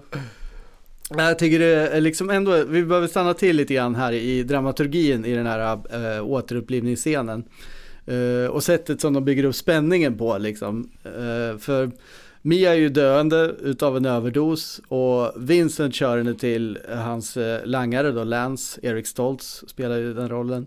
Och när Vincent övertalar Lance att hjälpa henne, vad gör då Lance? Kommer ihåg? Han springer omkring och fladdrar runt i sitt eget hus där och letar efter Ja. någon eh, bok eller vad fan det är. Ja, precis. Han letar efter sin medicinbok, för han har ju aldrig återupplivat någon från en heroinöverdos. Eh, Så han behöver liksom en manual här då. Så han går in i ett stort rum fyllt av prylar och böcker och flyttkartonger och liksom rumlar runt där inne. Man vet inte riktigt vad han gör. Och så, och så kommer ju hans tjej då, Jodie, eh, Rosanna Arquette. Och de börjar gräla. Och, och det enda man tänker på är liksom att tiden håller på att rinna ut här liksom. Det är ju, hon, hon håller på att dö och de gör ju inget vettigt liksom. Och vad händer sen? Jo, då börjar ju Vincent och Lance gräla istället om vem som ska ge henne sprutan. Mm. Och har du tänkt på hur lång den där sprutan är? Den är så jävla äcklig. Den ser så... Ja. ser ut som här kanske- gammal. Det är kanske 20 centimeter lång liksom. Den skulle ju gått rakt igenom henne liksom. I stort sett. Så vem, vad behöver de så lång spruta till liksom? Men det är ju effektfullt förstås. Och eh, precis som i scenen där Vincent avlossar liksom, eh, skottet i ansiktet på Marvin så eh, tar de ju fram det bisarra i situationen här liksom. Eh, för de, liksom det faktum att de behöver manual och de ritar ett, ett rött märke där de ska träffa. Ska jag hugga henne tre gånger frågar Vincent. Och hans, eh, liksom det här missförståndet som de har där mitt i kalabaliken, det, är ju, det betyder ju liksom att man, man inser ju hur mikroskopisk chansen här är att allt ska funka som det ska. Och så har de ju liksom en countdown också. Eh, Ja, helt onödigt. Varför? Ja, varför? Varför ska de räkna ner liksom? Ja, det är ju en enda anledning. Det är ju liksom äldsta tricket i boken liksom för att skapa förväntan. Sådär. Ja. Eh, och en sista grej, det är ju liksom att Rosanna Arquettes eh, ansiktsuttryck, det är en av filmens eh, stora behållningar i den här scenen liksom. För att eh, hon eh, är ju liksom inte tagen egentligen utav situationen, utan eh, hennes blick är en blick av förväntan så att säga. Och på så vis så blir hon ju liksom eh, av, som publik så identifierar vi oss med henne, hur bisarrt den kan vara liksom. Men man sitter där och tänker, okej, mm, gnugga händerna lite grann och undrar Ja. vad som ska hända. Ja, hon är bara nyfiken. en otrolig scen tycker jag, liksom. Både bisarr och eh, otroligt välberättad, måste jag säga. Ja, Tarantino i sitt esse. Absolut. Och det är en scen man inte glömmer. All right, quit. Hurry up, man. Okay. Hurry up. Here, I'll tell you what to do. No, no, no, man, man, man. I ain't give you, you. You're gonna give it a shot. you're gonna give it a shot. I ain't giving her. I ain't giving her the shot. I never done this Yeah, before. I ain't never done it before either, all right? I ain't starting now. Look, you brought her here, and that means that you're gonna give her the shot. The day that I bring an ODM bitch to your house, then I give her the shot. Give her the shot. Give it to me. Here. Give me that. All right, all right. Tell me what to do. Okay, uh, you're giving her an injection of adrenaline straight to her heart, but she's got a breastplate. You gotta pierce through that. So what you gotta do is you gotta bring the needle down in a stabbing motion. I, I gotta, I, I gotta stab her three times. No, you don't gotta fucking stab her three times. You gotta stab her once, but it's gotta be hard enough to get through her breastplate into her heart. All right, and then once you do that, you pr- press down on the, the plunger. Okay, then what's then what happens? I'm kind of curious about that myself. This ain't no fucking joke, man. Am I gonna Whoa. kill her? I mean, no, no, no, she's supposed to come out of it like that. It's All right, count to three. all right. Ready? One.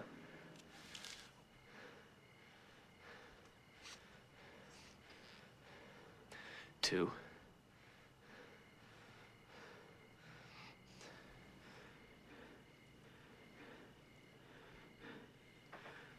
Three!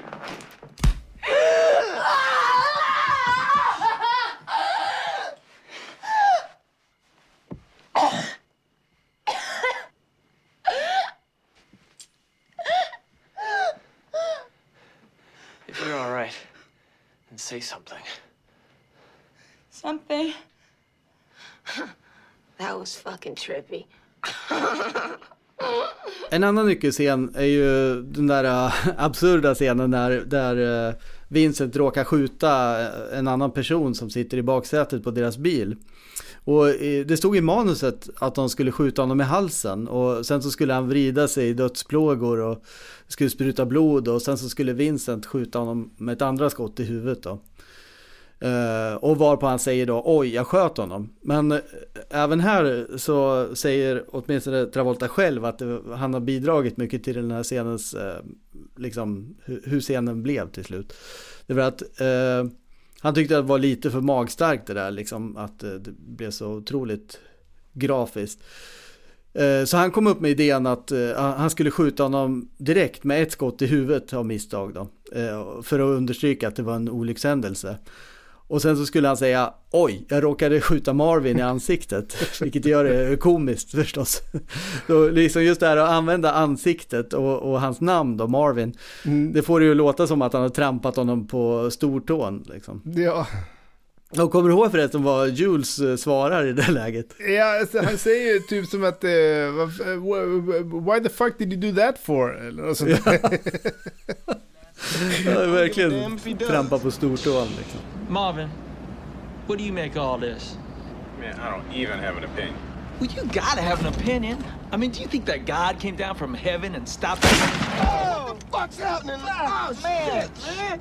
Oh, man, I shot Marvin in the face. Why the fuck'd you do that? Well, I didn't mean to do it. It was an accident. Oh, man, I seen some crazy ass shit in my time, but this... Chill out, man. I told you it was an accident. You probably you went over a bump or hey, something. the car ain't hit no motherfucking bump. Hey, look, man, I didn't, I didn't mean to shoot the son of a bitch. The gun went off. I don't know why. Well, look at this fucking mess, man. När vi ändå är inne på repliker, vet du bakgrunden till uh, Jules Ezekiel-predikande just som innan han skjuter de här yuppielangarna eller studenterna eller vad de är liksom?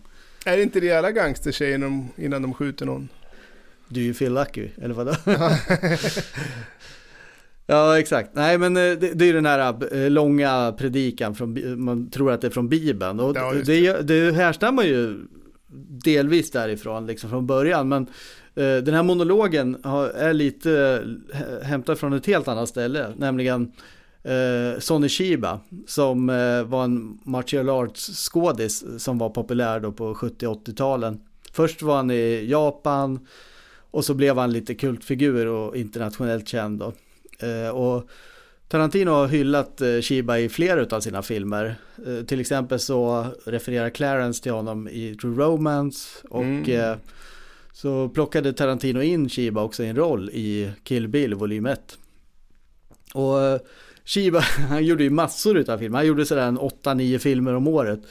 Och i en utav dem som, som kallas för Bodyguard på engelska så inleds filmen med en sorts eh, proklamering som, som liknar den här Ezekiel-texten. Eller rättare sagt, den är exakt som den faktiskt, eh, förutom på ett enda ställe.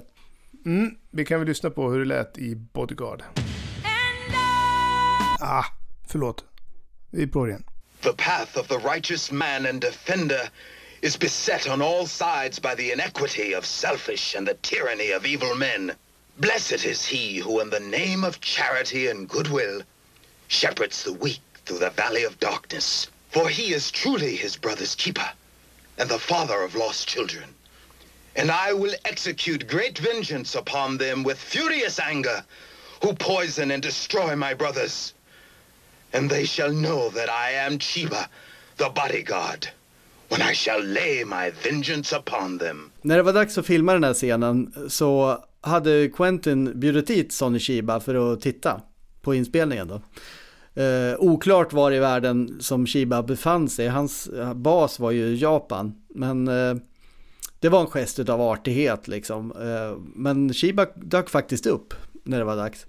Och eh, Tarantino var lite frustrerad för att eh, han var ju exalterad förstås utav, av Shibas närvaro. Men eh, det var ingen som kände igen honom och förstod liksom vad, vad han gjorde där. Uh, förutom då förstås Jerry Martinez, en av de här arkivisterna från Video Archives. Uh, och han höll ju på såklart att kissa på sig utan lycka då. Vad gjorde han, han där förresten? Han, ja, polare Ja, liksom. ja, Ja men det är överlag faktiskt så är det lite så här, verkar vara väldigt öppen inspelning. Det var fritt fram och dyka upp där och stå Ja. och kolla liksom. Ja. Det var inte Kubrick. Nej. Ja, så kom eh, Samuel Jackson eh, och han hade koll på Shiba till slut då liksom. Så Tarantino kunde pusta ut lite grann. Så han, eh, Jackson skakade Shibas hand och berättade att han var en stor beundrare utav hans verk som han kallar det för. Och sen så gick han in då och visade hur man också kan leverera en sån här text. Ezekiel 25, 17.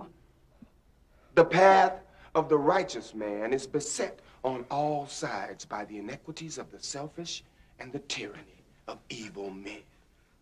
Blessed is he who, in the name of charity and goodwill, shepherds the weak through the valley of darkness.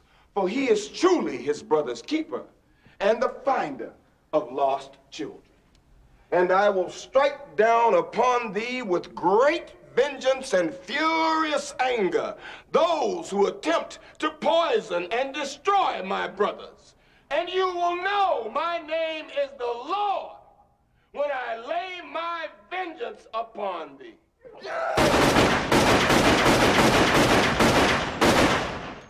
Så eh, efter 51 dagar så är inspelningen klar och det är dags för avslutsfest. Och vart ska de ha den festen?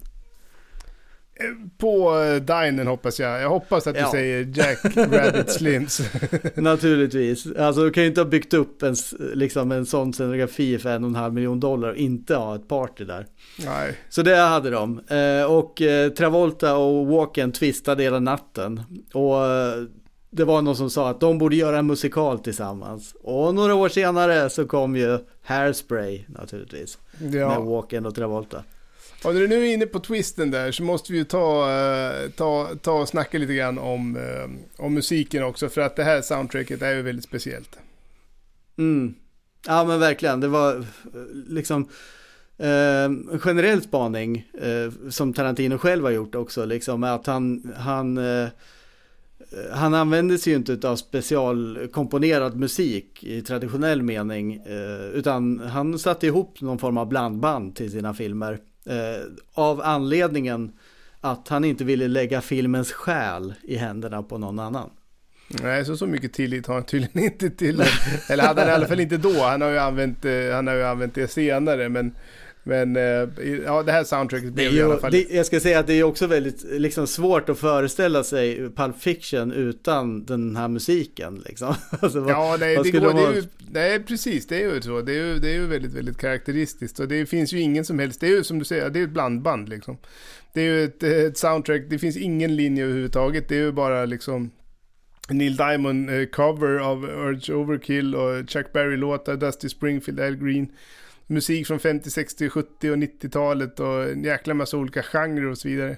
Men det som är mest speciellt det är ju såklart att, att eh, helt plötsligt så stod tonåringar runt omkring i världen och stage-divade till liksom på, på sina hemmafester till eh, surfmusik från 60-talet. Liksom. Det Ja. var det ju ingen som hade förutsett.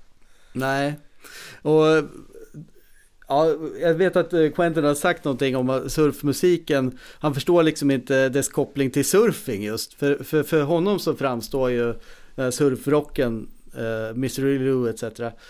är ju- Att det är ju inte sol och kritvita stränder utan det, det är ju liksom snarare bilfärder i heroinrus som, man, som det passar till så att säga.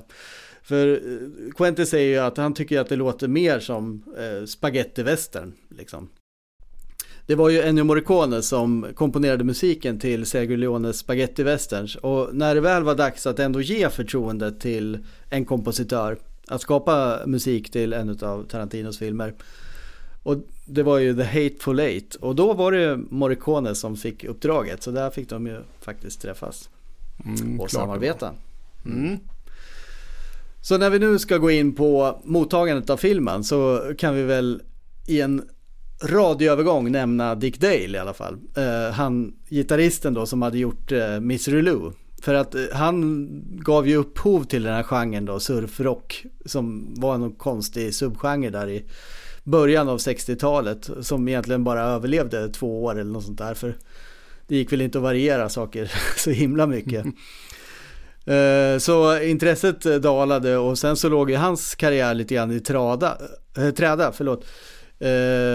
Ända fram till Oscarsgalan när han plötsligt fick höra sin musik och spelas upp där då när Quentin vann Oscar för bästa manus. Och han som aldrig hade spelat utanför Kalifornien tidigare, han fick åka på turné till Europa plötsligt och spelade för 20-åriga grungeare. Så, så kan det gå. Tack till Quentin. Mm.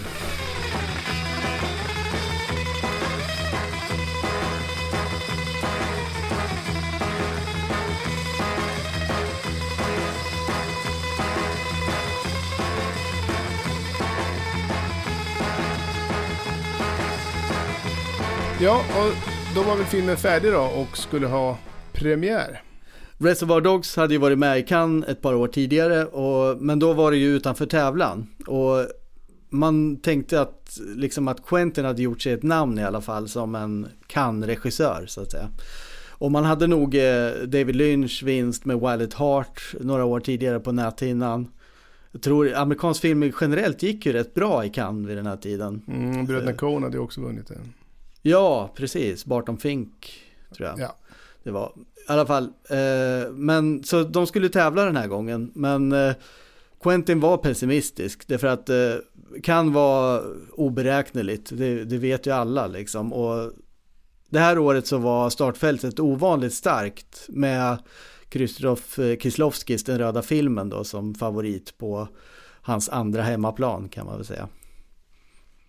Ja, det var ju väldigt mycket bra filmer det här året. Framförallt så var det väldigt Cannes-typiska filmer. Om man nu liksom har fördomar om Cannes som lite pretto-festival. Men mm. Eh, Bränd av solen, Nikita Mikhailkovs eh, film var ju med. Den skulle senare vinna en Oscar mm. för bästa utländska film.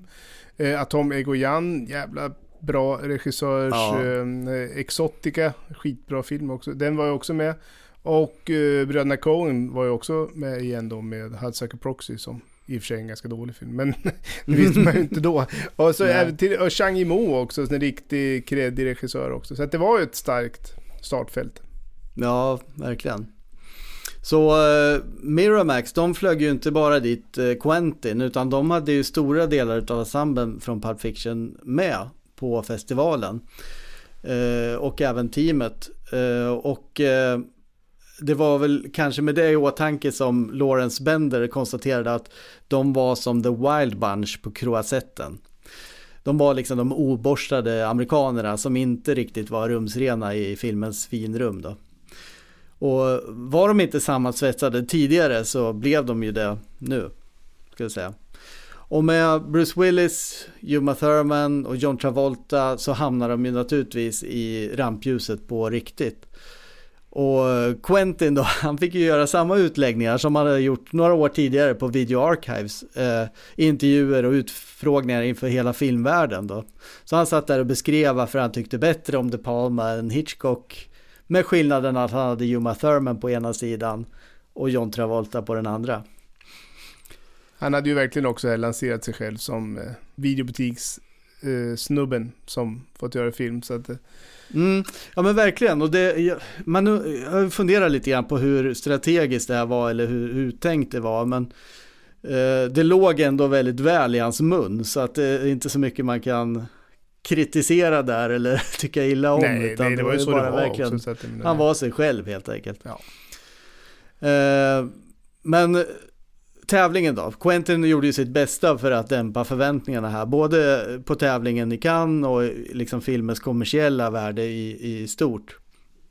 Men eh, efter den första visningen så ville inte Weinstein lyssna längre. För publiken hade ju skrattat på precis rätt ställen. Trots att de var europeer som han konstaterade. och, eh, de hade gett eh, filmen en stående ovation på, på 15 minuter här har inte jag lyckats tajma eller sett. Så att 15 minuter är väldigt lång tid, men vi får väl ta honom på klapp. orden där. Ja. Han, eh, alltså Weinstein då, såg ju möjligheterna då till en form av skrällvinst. Men Weinstein var otålig, han kände ju att han, måste göra någonting. Eh, och han hade haft mycket kontakt då med eh, de amerikanska kritikerna som fanns på plats i Cannes. Och eh, han spådde att Janet Maislin i New York Times eh, skulle vara den som var mest positivt inställd. Så han kopplade ihop henne med, med Quentin och det gav utdelning. Eh, därför att dagen efter intervjun så kunde man läsa en mycket positiv eh, recension, utav, en så kallad rave review av Pulp Fiction i New York Times. Och då var det dags för steg två i Weinsteins uttänkta plan här då. För han hade lokaliserat vart alla jurymedlemmar bodde uh, och så såg han till att den här recensionen sköts in i springan under dörren till deras hotellrum. Det är så man påverkar en, en jury. Mm. När det väl var dags för prisutdelningen så var Quentin inte särskilt sugen på att delta ens. Eh, för han mindes, som han sa, den bittra förlusten eh, från Sundance som han hade haft med Reservoir Dogs, då, den svängen. Men eh, festivalpresidenten Jill Jacob var tydlig i dialogen mot Weinstein. Se till att de är där, sa han. och så börjar priserna utannonseras, kvällen går. Och eh, Pulp Fiction vann ingenting fram till dess att det bara eh, kvarstod ett pris och det var ju Guldpalmen. Det var ju Clint Eastwood som mm. var juryns eh, ordförande och vi kan väl lyssna på han, hur han tyckte det var att uh, sitta i en jury för det var han tydligen inte särskilt van vid.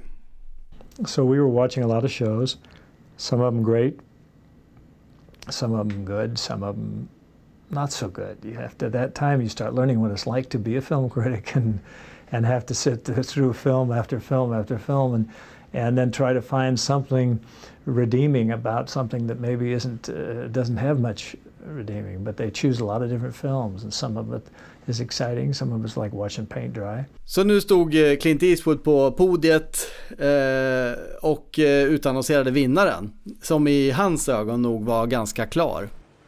Pulp Fiction. Quentin går upp på scenen. Bruce Willis följer med, John Travolta, Samuel Jackson, hela teamet är liksom uppe på scenen då. Och just när Quentin ska börja sitt tacktal så är det en kvinna som skriker i publiken.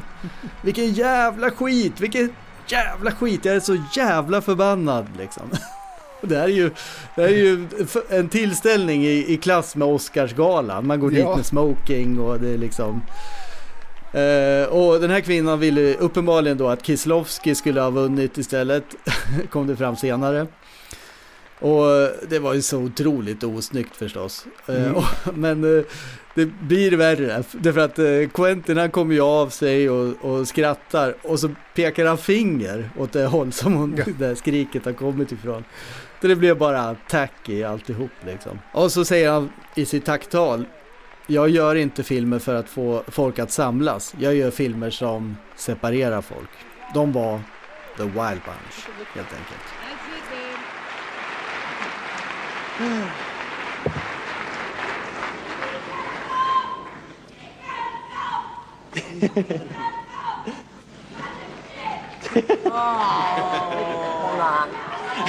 Och det här talet i Cannes var ju signifikativt för hela Tarantinos aura. För hans eh, person och filmer var helt enkelt inte för, för alla. Men eh, när folk lämnade visningar eller tuppade av för att de påverkades av hans filmer, ja då myste Tarantino. För då visste han att han hade gjort en engagerande film.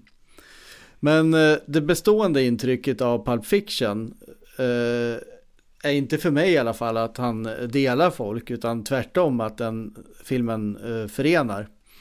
För folk vallfärdade ju till biograferna och på Stockholms filmfestival så togs han ju närmast emot som en rockstjärna som sagt. Mm. Ja så var det ju verkligen och uh, ja, Pulp Fiction gjordes ju för 8,5 miljoner dollar och spelade in 214 miljoner dollar, alltså enbart i biografintäkter och det gör den ju till en av eh, tidernas största independentfilmer. Eh, och den är ju liksom mer än så. Och jag tror att en berättelse från Christopher Walken kan fånga det här. För att han sa att jag var i en bastu någonstans i Europa och det satt ett halvdussin unga killar där. Och en kille började citera Jules tal innan han avrättade yuppie-gänget. Och alla hans kompisar flina med. Och jag tyckte det var en fantastisk hyllning till Quentin. Och jag tror att vi som var med på den här tiden har massor av liknande anekdoter. Alla pratade om Pulp Fiction precis överallt. Mm. Som du nämnde i början Fredrik så har ju Pulp Fiction åldrats förvånansvärt väl får man säga. Och att eh, titta på den så här eh, 26 år efteråt, eller 27, eh, är ju lite grann som att öppna en tidskapsel från 90-talet. För den, den återskapar ju väldigt mycket sättet man pratade på, hur man klädde sig, vilken musik man lyssnade på, hur man föll sig till popkultur eller till livet i stort egentligen. Och man kan ju anklaga den för att vara ett enda stort ihopkok av referenser. Eller att den speglar en artificiell eller påhittad värld så att säga. Men lika mycket som Tarantino lät sig influeras av popkultur så har ju Pulp Fiction påverkat vår kultur i stort. Ja, absolut. Den här tidskapseln berättar också någonting mindre konkret men kanske som är ännu viktigare för filmens påverkan på både sin samtid och dess eftermäle. Och det var ju stämningen som de skapade inför och under inspelningen. För det var ju någonting ovanligt som hände där och då. Det var liksom stjärnorna stod rätt på himlen. Och man brukar ju säga att en, en person kan gå genom rutan och precis så var det med stämningen i den här filmen. Och jag kommer ju tillbaka till den här frasen Because we love making movies. Och det är ju mm. det vi ser resultatet av när vi tittar på Pulp Fiction. Och det är så magi skapas. Du har lyssnat på The Making of Pulp Fiction. Nästa onsdag är vi tillbaka med ett nytt avsnitt och en ny film. Om du vill stödja oss kan du lämna ett bidrag på Patreon.com och det är bara att söka upp The Making of där. Eller via Swish på nummer 123 211 7299.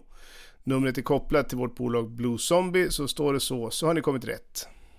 Vi är oerhört tacksamma för era bidrag. De går ju rakt in i nya avsnitt utav The Making of.